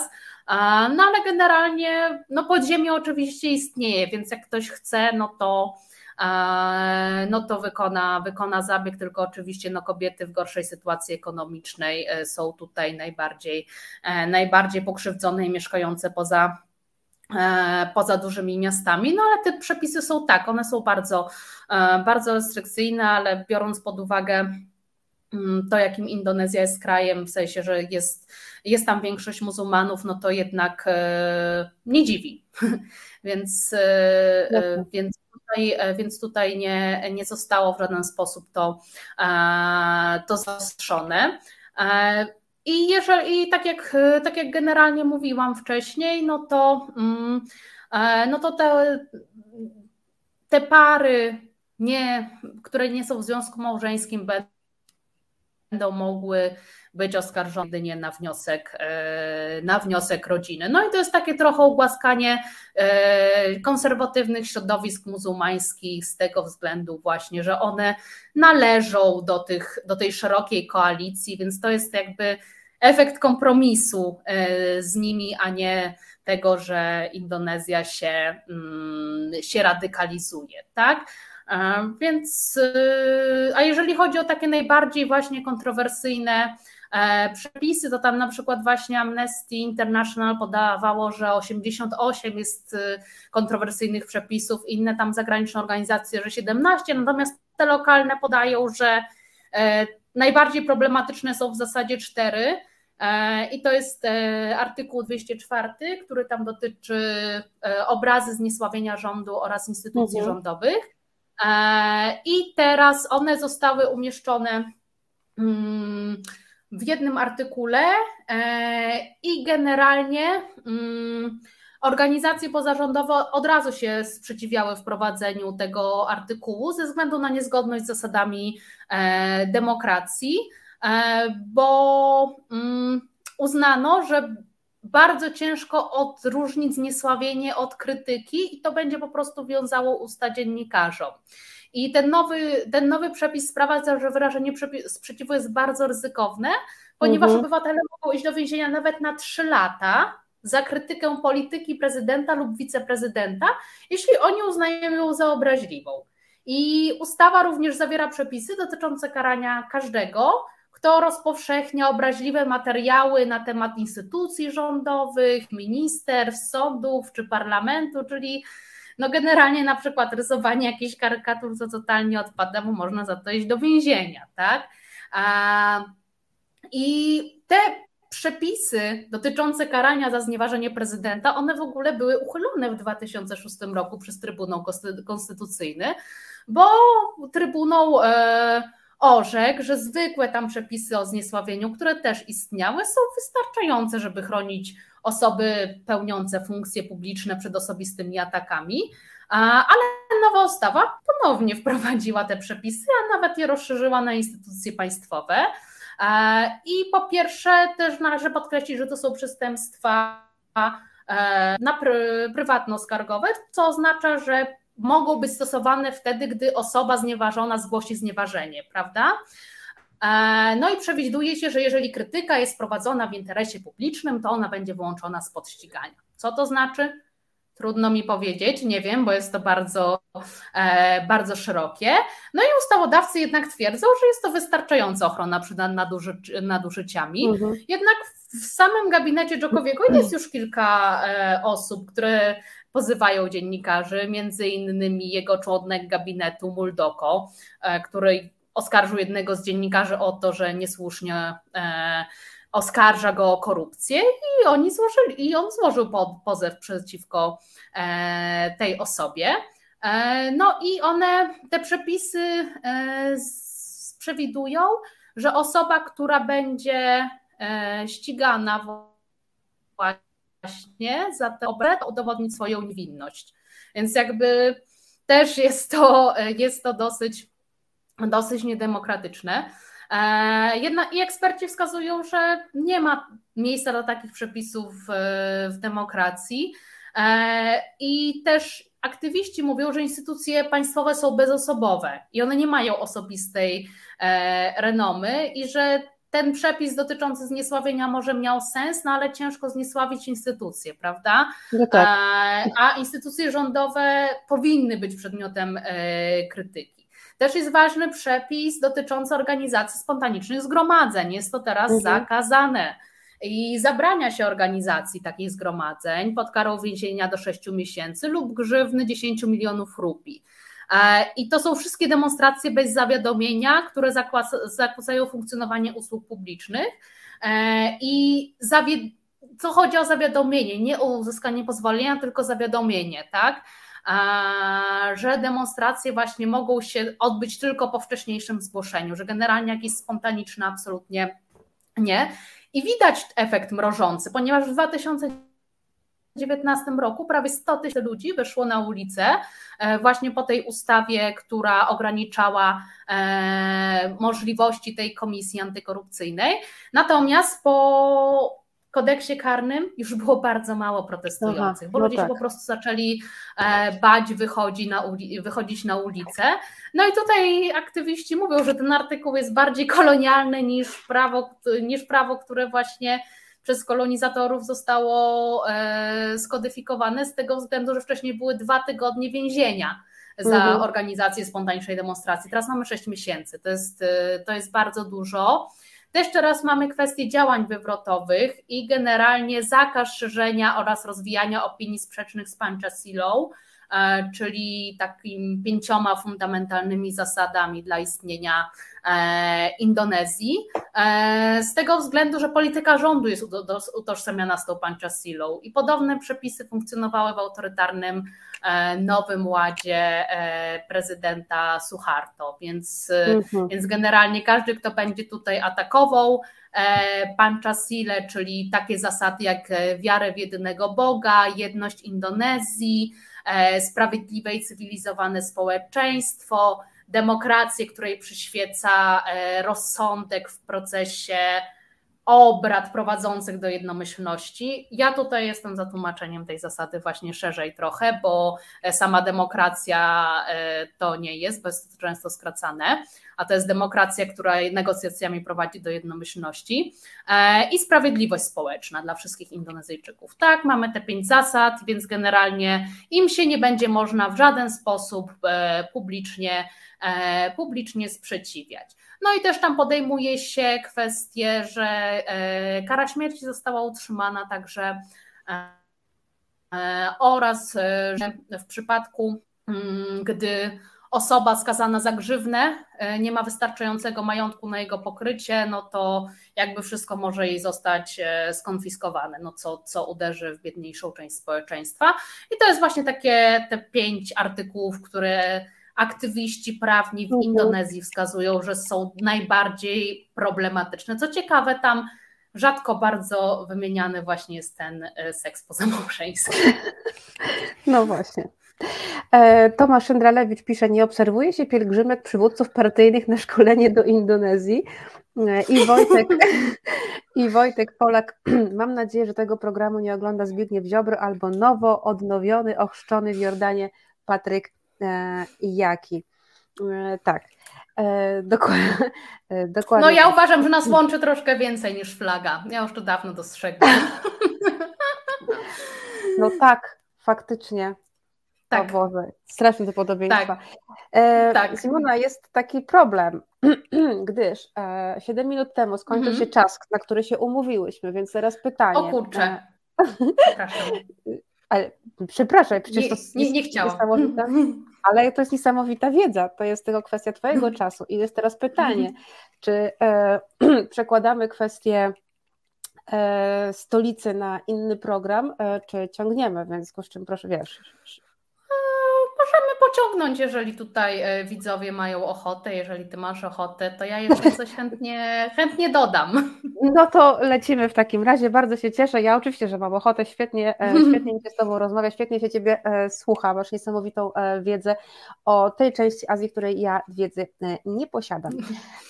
No dobra, to jak to było w tekście pod budą, nie przenoście nam stolicy, no u nas to była do Kraków, a co się dzieje w Indonezji. Dlaczego Jakarta przestanie być stolicą? O, przepraszam, y, Piotr Strychalski pisze, dalej proszę, kapitan Stratford, ochotę mam, więc jedziemy. Dobrze, to y, Jakarta generalnie to nie, ale zaraz przejdę do, e, do Jakarty. E, tylko może powiem, zacznę od tego, że idea przeniesienia stolicy nie jest, nie jest w ogóle nowa. Taki plan już miał prezydent Sukarno w mhm. 1957 roku. On chciał przenieść stolicę do Palankaraja, która również leży na Borneo albo na Kalimantanie jednak mówmy, bo to jest indonezyjska część Borneo, Kalimantan się nazywa. E, I e, jakby też przyświecała ta sama idea, że to będzie w centrum, tak? No bo Jakarta jest położona na Jawie e, mhm. i na przykład no ze, z Papui do Jakarty leci się sześć samolotów, gdzie ja prowadziłam badania, no to prawie cztery godziny się leci samolotem, więc jakby jest to daleko od tych wschodnich, wschodnich prowincji, no i też no to jakoś tam generuje koszty dla, e, dla tych ludzi, którzy mieszkają, mieszkają na wschodzie, że są odcięci od tego centrum. Z drugiej strony Jawę samą zamieszkuje połowa mieszkańców Indonezji, -hmm. czyli no to jest niewielka wyspa, mamy 140 milionów ludzi na niej, prawda? E, tymczasem no na innych wyspach, które są dużo większe, no to też mamy 140 milionów, tylko dość, dość rozproszone. Więc no, to, no i też historycznie tam Batawia była, mhm. była centrum, więc jakby to miało pewne uzasadnienie, e, żeby w Dżakarcie tę stolicę ulokować. No potem też administracja Suharto chciała przenieść stolicę do Jonkol e, na Jawie Zachodniej. E, potem znowu prezydent Susilo Bambang Yudhoyono chciał też przenosić, bo dostrzegał już wtedy między 2004 a 2014 rokiem. On już dostrzegał problem korków oraz powodzi w Dżakarcie, czyli no mhm. dość, e, dość dawno. E, no ale Djokowi 29 kwietnia w 2019 roku zaaprobował oficjalnie ten plan przeniesienia stolicy na Kalimantan. I ta nowa stolica będzie nazywać się Nusantara, czyli archipelag po prostu, e, albo też jest projekt zwany, e, ukrywa się pod kryptonimem IKN, czyli Ibukota Nusantara. Ibukota to jest stolica, Ibu to matka, Kota to miasto, miasto matka, więc indonezyjski nie jest bardzo trudnym językiem, w sensie na początku, potem jest gorzej. E, ale, e, ale generalnie e, tak jest tam w mediach właśnie pod IKN się najczęściej kryje.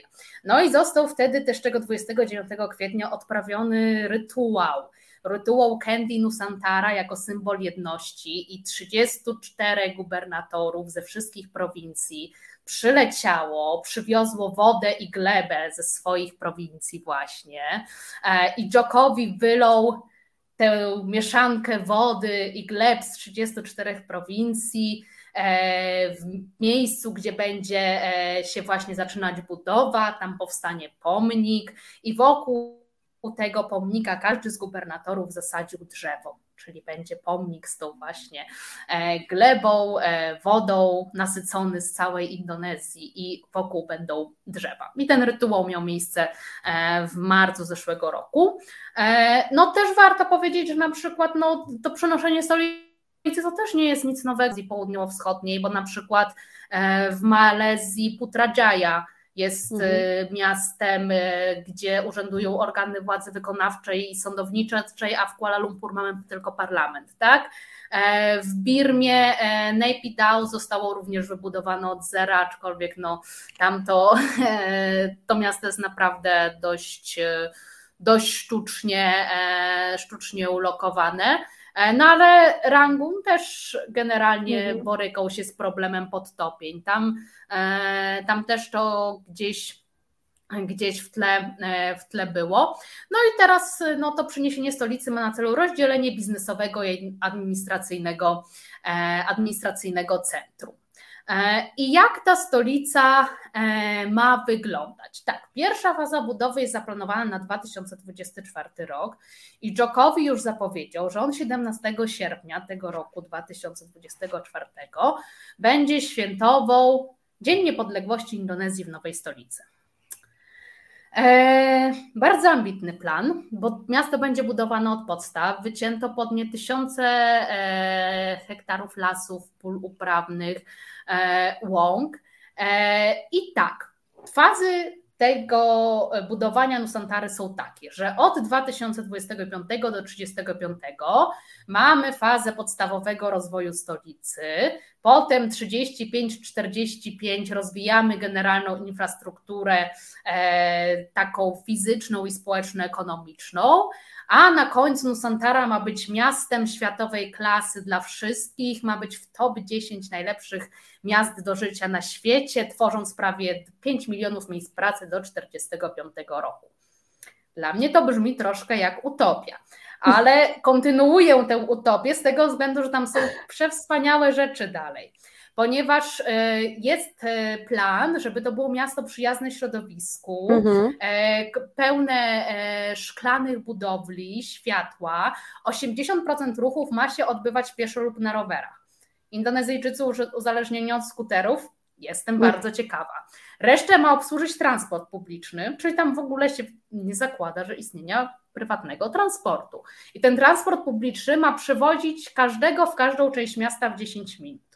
No obecnie z południa do centrum Dżakarty jedzie się, no metrem teraz można pojechać w 40 minut, ale jeszcze 3 lata temu się jechało 3,5 e, godziny. Więc e, te 10 minut brzmi spektakularnie. E, bo w Dżakarcie chciałam powiedzieć, no, że w całej aglomeracji mieszka 25 milionów ludzi, a jest jedna linia metra. No ale miasto się topi, więc ciężko metro budować. Też jest założenie, że w 2035 roku E, będzie, nie będzie tam w ogóle biednych ludzi.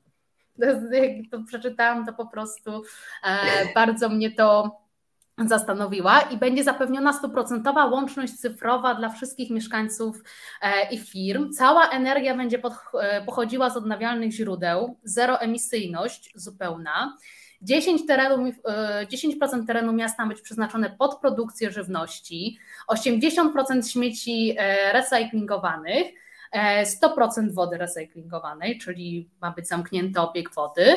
E, no i tylko no jakoś tak ciężko powiedzieć, jak tutaj ma mm, powstać jakiś kapitał społeczno-kulturowy, ponieważ no to też decyduje o tym, czy ludzie się gdzieś decydują zamieszkać. I może się okazać, że zamiast przeprowadzek, e, to mnóstwo ludzi będzie pracować w nowym miejscu, a na weekendy po prostu wracać do, do Czakarty, chociaż zakłada się, że w tym 24 roku już 500 tysięcy urzędników przeniesie się właśnie do tej, e, do tej nowej stolicy, czyli już w zasadzie za rok, mają rok i 7 miesięcy, żeby, e, żeby coś, tam, e, coś tam zrobić. No, a Jakarta generalnie na naprawę Jakarty pomysłu nie ma, więc to jest taka trochę ucieczka i mhm. zostawienie tego miasta samemu sobie. No bo Jakarta, no to to jest 25, chociaż jeszcze raz mówiłam, że 25, ale mi się wydaje, że teraz już gdzieś około 30 milionów się zbliżyli, bo to jest Jakarta, Bogor, Depok, Tangerang i Bekasi. To są no, taka aglomeracja, tak, mhm. generalnie, więc no, to jest jeden, e, jeden organizm i ona, mm, to jest miasto, które cierpi z powodu gigantycznych korków, przeludnienia, zanieczyszczenia, i ono się też boryka z problemem e, wzrostu poziomu morza wynikającego ze zmian klimatycznych i 40% miasta jest narażone na to, że znajdzie się pod poziomem morza, a to nie z prędkością prawie 5 cm rocznie. E, mhm. Chociaż to obniżanie się e, gruntów ma też związek z tym, e, że istnieje nadmierna eksploatacja wód gruntowych.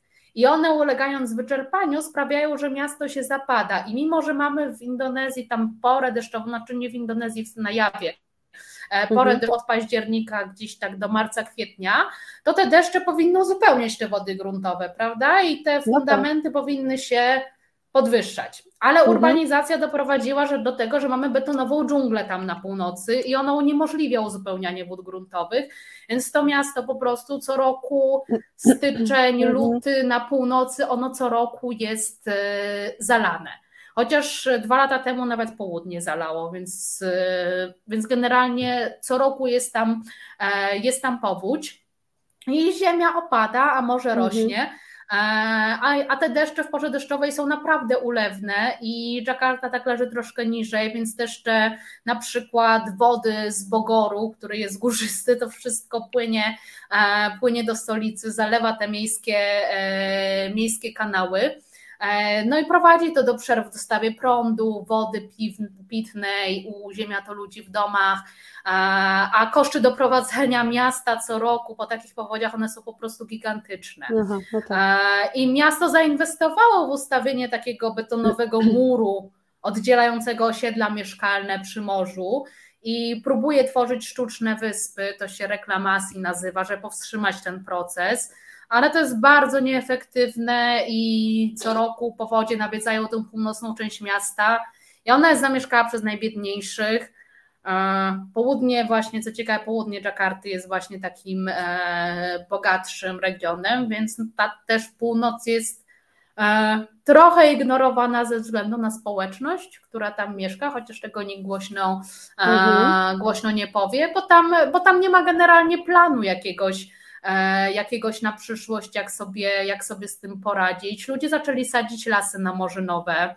Trochę to zatrzymuje, ale to też jest za mała, za mała jakby skala, a tymczasem rząd ucieka i 34 miliardy dolarów wkłada w budowę nowego, super nowoczesnego miasta, gdzie kilka milionów ludzi no generalnie mieszka w miejscu, gdzie się topią i to nie są urzędnicy na północy Dżakarty, którzy mieszkają, tylko to są głównie rybacy, to są, e, to są sprzedawcy, no to mhm. jest ta niższa klasa, która się nie przeniesie do tej nowej stolicy, tak?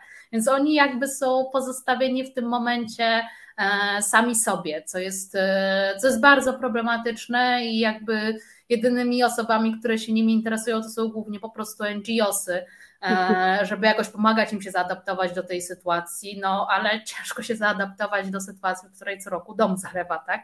E, więc jakby no przesiedlenia jakieś na pewno będą, ale właśnie gdzie tych ludzi przesiedlać, też, też trudno, e, trudno powiedzieć, czy po prostu rząd nie skupi się tak bardzo na projekcie tej nowej stolicy, E, że po prostu tutaj już nic nie zdziała, tak? Jest takie, e, jest takie ryzyko, że po prostu no, ta północ zostanie totalnie opuszczona i czy w tej sytuacji Jakarta w ogóle będzie mogła zostać centrum biznesowym, gdzie połowa to będzie miasto widmo. E, kapitan Stratford pisze, od razu przeniósłbym się na nowej stolicy, choćby z powodu niechęci do bycia biednym. Czuję, że wszyscy się przeniosą. Wojtek Polak to brzmi jak miliony mieszkań z niektórych obietnic wyborczych e, w Polsce. No cóż. E, no cóż. E, a co z ludnością? A, bo jeszcze było pytanie, chyba Tomasz Szyndralewicz pisał, czy to nie jest, rozumiem, że Kalimantan, czy to nie jest obszar sejsmiczny. Nie, właśnie nie. Aha. Kalimantan nie jest obszarem sejsmicznym i z tego powodu też jest, e, no, wybrano tę lokalizację, bo wschodni Kalimantan e, nie leży właśnie w tym pierścieniu ognia, czyli tam mhm. nie, ma, nie ma wulkanów, e, czyli wybuchów wulkanów nie ma, na tsunami też to raczej w Sulawesi będzie uderzać, także, także jest generalnie pod tym kątem bezpieczniejsze i to też było, był jeden z argumentów, dlaczego akurat, dlaczego akurat tam. E, ty specjalizujesz się w migracjach i to, to, moje pytanie, e, czy będą jakieś Twoim zdaniem większe migracje związane z tą zmianą stolicy? I też ode mnie, co z ludnością e, rdzenną właśnie Kalimantanu? Czy oni stracili swoje miejsce do życia, czy są jakoś przesiedlani? Jak to wygląda? Tam większość ziemi jest bez prawa własności, więc rząd no, sobie wziął, bo mógł. E, także je, bardzo niewiele osób miało certyfikaty, no to wtedy e, sprzedawali ziemię. Aczkolwiek no, na Kalimantanie a ludzie już są bardzo przyzwyczajeni do tego, z tego względu, że te plantacje palmy olejowej, kopalnie już od lat podkupywały im e, ziemię. E, I jakby no, ludzie oddawali tę ziemię z tego względu, że my na to tak patrzymy właśnie, no, że zielone płuca, e, że las deszczowy i tak dalej, ale dla tych ludzi życie w tym lesie deszczowym było bardzo ciężkie, więc jakby mhm. oddanie ziemi takim plantatorom czy jakiejś kopalni, no to wiązało się z nowymi możliwościami, tak?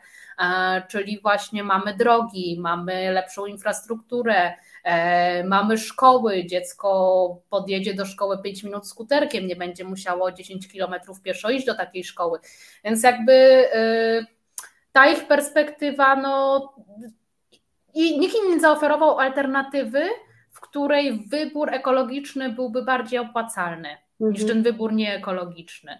No bo my tutaj sobie możemy właśnie z naszej pozycji jakoś tam zarzucać, że e, podjęli takie, a nie inne wybory, no a z drugiej strony no oni mieli wybór, czy chcą żyć lepiej, czy nie. No i dlatego no większość większość Borneo no, jest jedną wielką plantacją i kopalnią, bo Kalimantan Wschodni, e, no to powiem szczerze, jak byłam 4 lata temu, to ja byłam w szoku po prostu, bo no do, żeby, żeby dżunglę zobaczyć, to tak trzeba było 500 kilometrów w głąb lądu mm. zasuwać, tak? A tak wszystko wszystko to są plantacje, plantacje, plantacje, kopalnie, plantacje po rzece Mahakam, e, tylko barki z węglem płyną, z drewnem i tak dalej. To jest po prostu jeden wielki, jedna wielka kopalnia i plantacja, tak? Aczkolwiek tam właśnie, gdzie powstanie stolica, no to jest spory kawałek lasu deszczowego, e, no i tam uważają w tym projekcie, że oni ten las deszczowy zaadaptują do budynków. W sensie, że on będzie integralną częścią,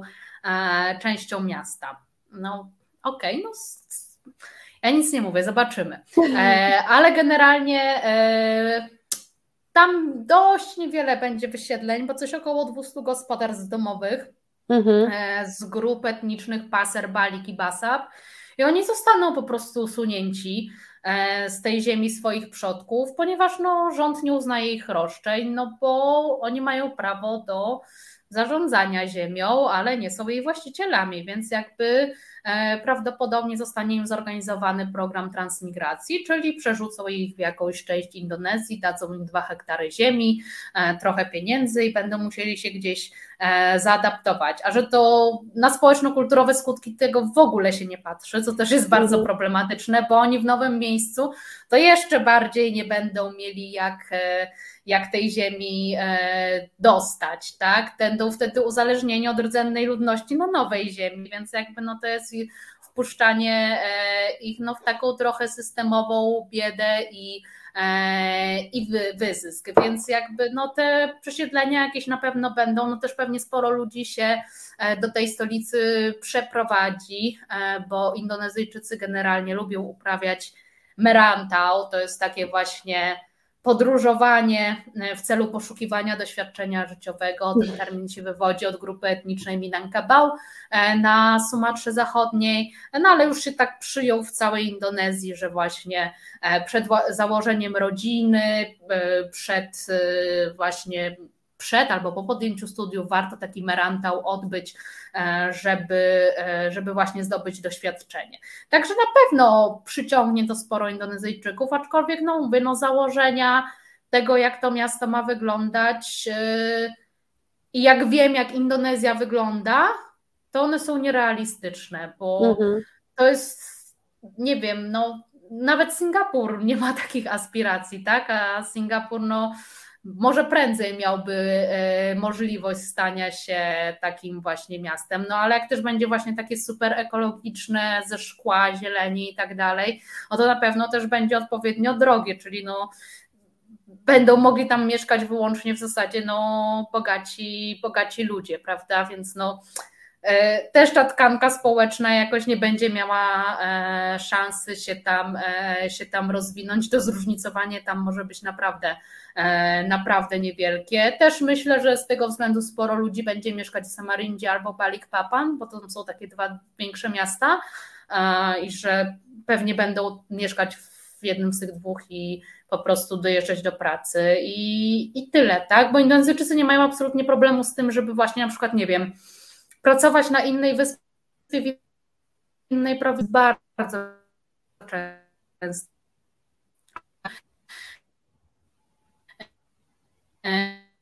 Właśnie tam nie zamieszka.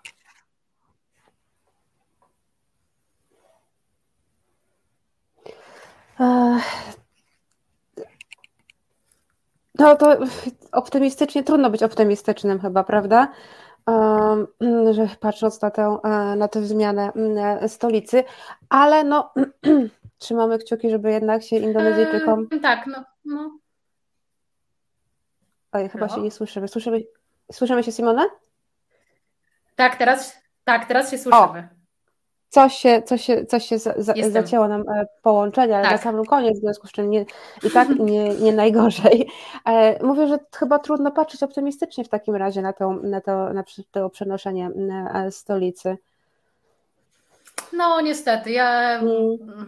w sensie no też też nie chcę tutaj z jakimś takim orientalistycznym wychodzić, że o ile znam Indonezyjczyków i tak dalej, ale niestety, no powiem, że o ile znam Indonezyjczyków, to ja nie jestem, nie jestem optymistką z mhm. tego względu, no, że e, wiem, jak mnóstwo miejsc w Indonezji wygląda, bo nawet jak prowadziłam swoje badania, to e, jakby budować stolicę w przyszłości w momencie, gdy istnieje mnóstwo wsi bez żadnej infrastruktury, z mhm. dostępem tylko drogą morską, e, bez żadną toalet, niczego, że ludzie w zasadzie mieszkają na gołym betonie, to jest mi ciężko sobie wyobrazić, e, że tutaj takie, takie miejsce powstanie, prawda? No bo też no, oni muszą w te prowincje pakować pieniądze, no bo tam generalnie każda prowincja, troszkę jest system jak w Unii Europejskiej, wpłaca do takiego wspólnego funduszu i on jest potem rozdysponowywany. E, no i właśnie Kalimantan Wschodni, tam gdzie będzie stolica, jest jednym z największych płatników, no bo ze względu na to, że ma surowce, prawda? Mhm. No więc y, jeżeli te pieniądze zostaną przekierowane wszystkie, pompowane w stolicę, no to wtedy będziemy mieć do czynienia z bardzo dużymi zróżnicowaniami, które mogą moim zdaniem prowadzić do niepokojów społecznych, tak? No bo tutaj ktoś, e, inwest rząd inwestuje w takie bogactwo, a tutaj no, ludzie dalej nie mają zaspokojonych podstawowych potrzeb i muszą o to mhm. walczyć e, codziennie, tak? Więc, e, więc moim zdaniem to nie do końca duma, bo Dżokowi chce, żeby to była duma, żeby to była taka, taki symbol tożsamości narodowej ta stolica.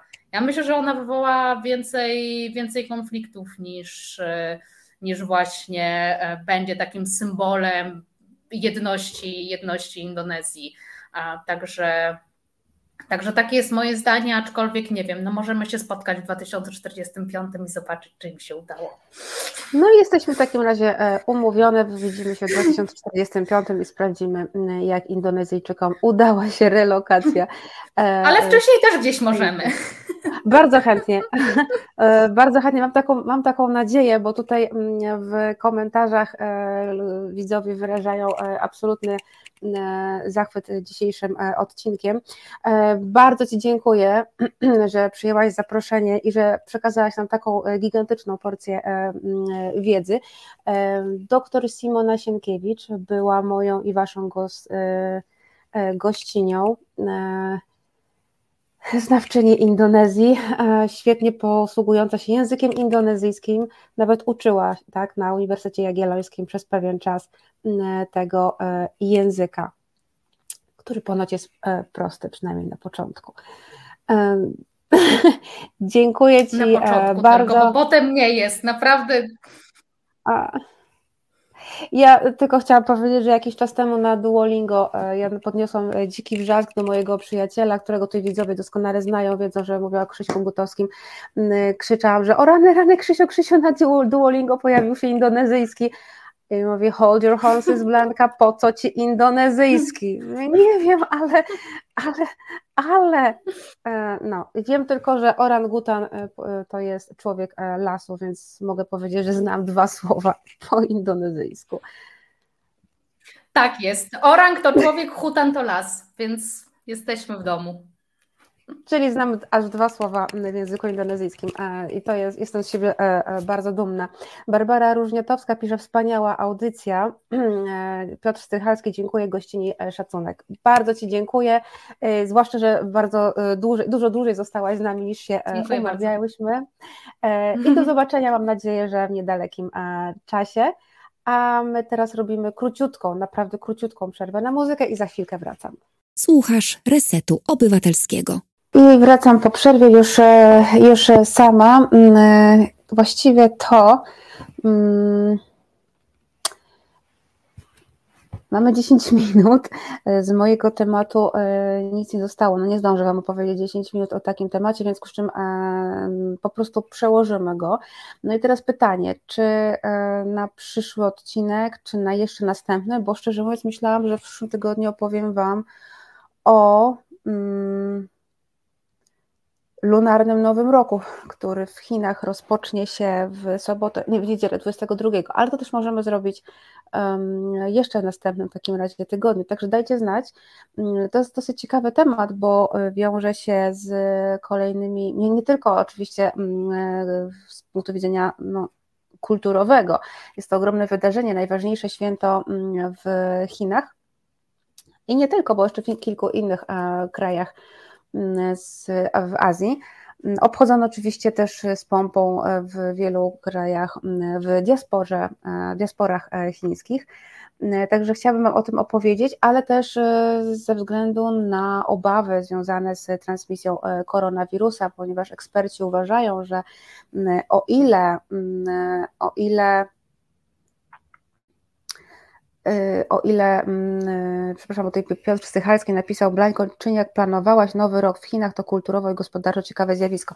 No właśnie, dobrze, bo właśnie gospodarczo, y, spójrzcie na to, że tak jak ostatnio ustaliliśmy, prawda, E, ustaliliśmy, że Chiny otworzyły się akurat tuż przed Nowym Rokiem, e, najważniejszym świętem, które zawsze generowało gigantyczne e, wpływy do gospodarki.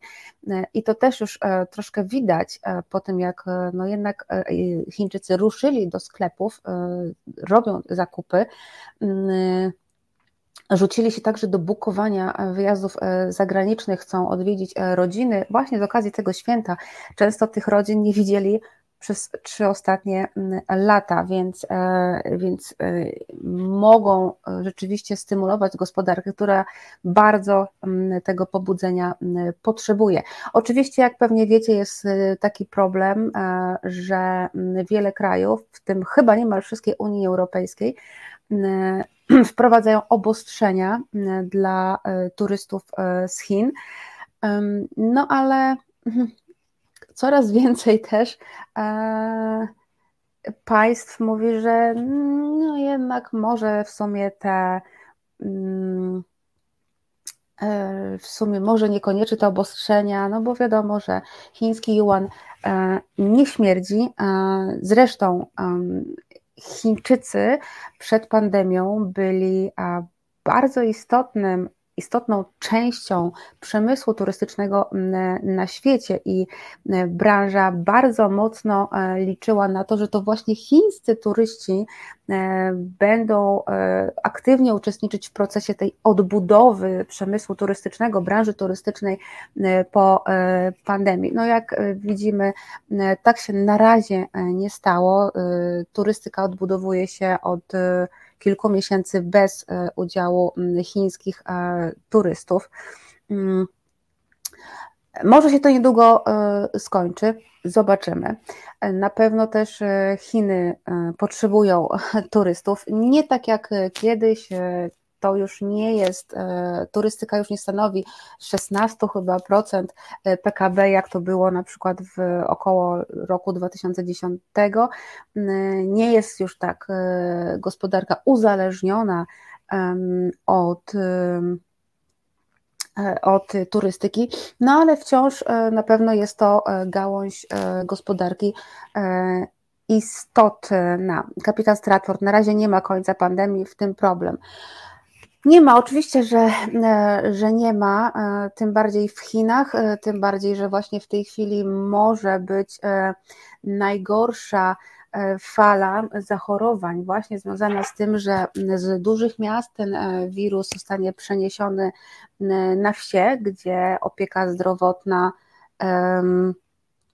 jest znacznie gorsza niż w dużych e, miastach. Na szpitale i przychodnie tam próbują się jakoś przygotować, ale nie jest to takie, takie proste. No i jeszcze się mówi o tym, że może być kolejna fala w Chinach pod koniec tego roku. No ale to e, zobaczymy. Bardzo istotne jest zwiększenie ilości szczepień, no i też stosowanie odpowiednich szczepionek. Eksperci twierdzą, że te dwie szczepionki Sinovac i Sinopharm, które stosowane są w Chinach, no, nie są zbyt skuteczne, zwłaszcza w przypadku omikrona, czyli tej, tego, tego, tej mutacji, która obecnie jest najbardziej e, rozpowszechniona. Jest obawa, czy, czy nie pojawi się nowa mutacja, nowy wariant, ale na razie lekarze i naukowcy mówią, że, że jest e, że, to, że, nie ma, no, że nie ma czegoś takiego. Na razie się nic takiego nie wydarzyło. Wojtek Polak, Chiny zawsze warto rozumieć, a nawet trzeba się uczyć, czy się tego chce, czy nie, czy nie chce. Zgadzam się e, jak najbardziej. Tomasz Szyndralewicz nie ma po pandemii, jest zmęczenie tematem, który jednak e, nie zniknął. Nie zniknął, no ale też e, i tak jest zmęczenie, ale pamiętajmy, że faktycznie oczywiście cały czas ten wirus z nami jest, e, warto się szczepić, warto się e, e, zabezpieczać. Ja do dziś zastanawiam się, czy przyszłam bezobjawowo, czy, czy naprawdę udało mi się mm, przez te dwa lata, trzy, dwa, trzy, uniknąć tego zachorowania. No dobra, słuchajcie, to ja się w takim razie zastanowię, co zrobimy w przyszłym e, tygodniu. Z gościa na razie nie zdradzę, dogadujesz, e, dogaduję szczegóły, e, więc tak, zastanowimy się, czy mówimy o lunarnym nowym roku i może właśnie przyjrzymy się sytuacji w Chinach, bo warto ją śledzić, tym bardziej, że WHO mówi o o tym, że mm, Chiny zaniżają liczbę i liczbę hospitalizacji, i liczbę e, zgonów. Faktycznie e, podawane przez e, Chińczyków dane o tym, że dziennie dochodzi do 4000 zakażeń, no mało brzmi to wiarygodnie przy, przy takim nagłym e, otwarciu. Więc e, WHO apeluje, żeby, e, żeby żeby właśnie podawać prawdziwe, realne dane. No dobrze, Piotr Strychalski, Lunarny Nowy Rok, ja za i ciut o COVID w Chinach do rozwinięcia w kolejnej audycji. No dobrze, myślę, że tak możemy e, zrobić, bo to będzie temat e, na czasie. Myślę, że też do Chin. Um, Myślę, że też do Chin będziemy sobie tam co pewien czas po prostu wracać i sprawdzać tę sytuację związaną z COVID-em. Ja nie ukrywam, że myślę o jesieni, o wyjeździe. E, jeszcze teraz chyba nie zaryzykuję, bo nie wiadomo, co się, co się stanie w marcu, w kwietniu. Natomiast no, chcę jechać e, w jesienią. Mm, miejmy nadzieję, miejmy nadzieję, że to się uda, e, że jednak tej następnej fali nie będzie i że jednak Indie, Boże, Chiny sobie z tą, z tą falą poradzą. E, no a temat e, związany z książką Porządne dziewczyny w takim razie omówimy sobie jeszcze w następnym odcinku. No chyba, że się wydarzy jeszcze coś, coś innego. O. Także ja Wam bardzo, bardzo dziękuję, że byliście ze mną dzisiaj. Ze mną i z Marcinem, który realizował e, program, więc dzięki niemu w ogóle mogliście nas oglądać. E, nas, e, czyli mnie i dr Simone Sienkiewicz, ekspertkę mm, od Indonezji. To była świetna rozmowa. Tutaj Max Fuller pisał godzina i tyle wiedzy, to było więcej, to było prawie półtorej godziny, jeśli nie więcej, bo nam się trochę rozmowa przedłużyła, ale myślę, że nie macie mi tego, tego, tego za złe. E, więc jeżeli się dopiero teraz e, teraz e, włączyliście późno, bo ktoś miał telefon, to odsłuchajcie od początku, bo naprawdę warto. A my się widzimy, mam nadzieję, mam nadzieję, za tydzień 17 stycznia, oczywiście o 19.00 w resecie obywatelskim. Do zobaczenia.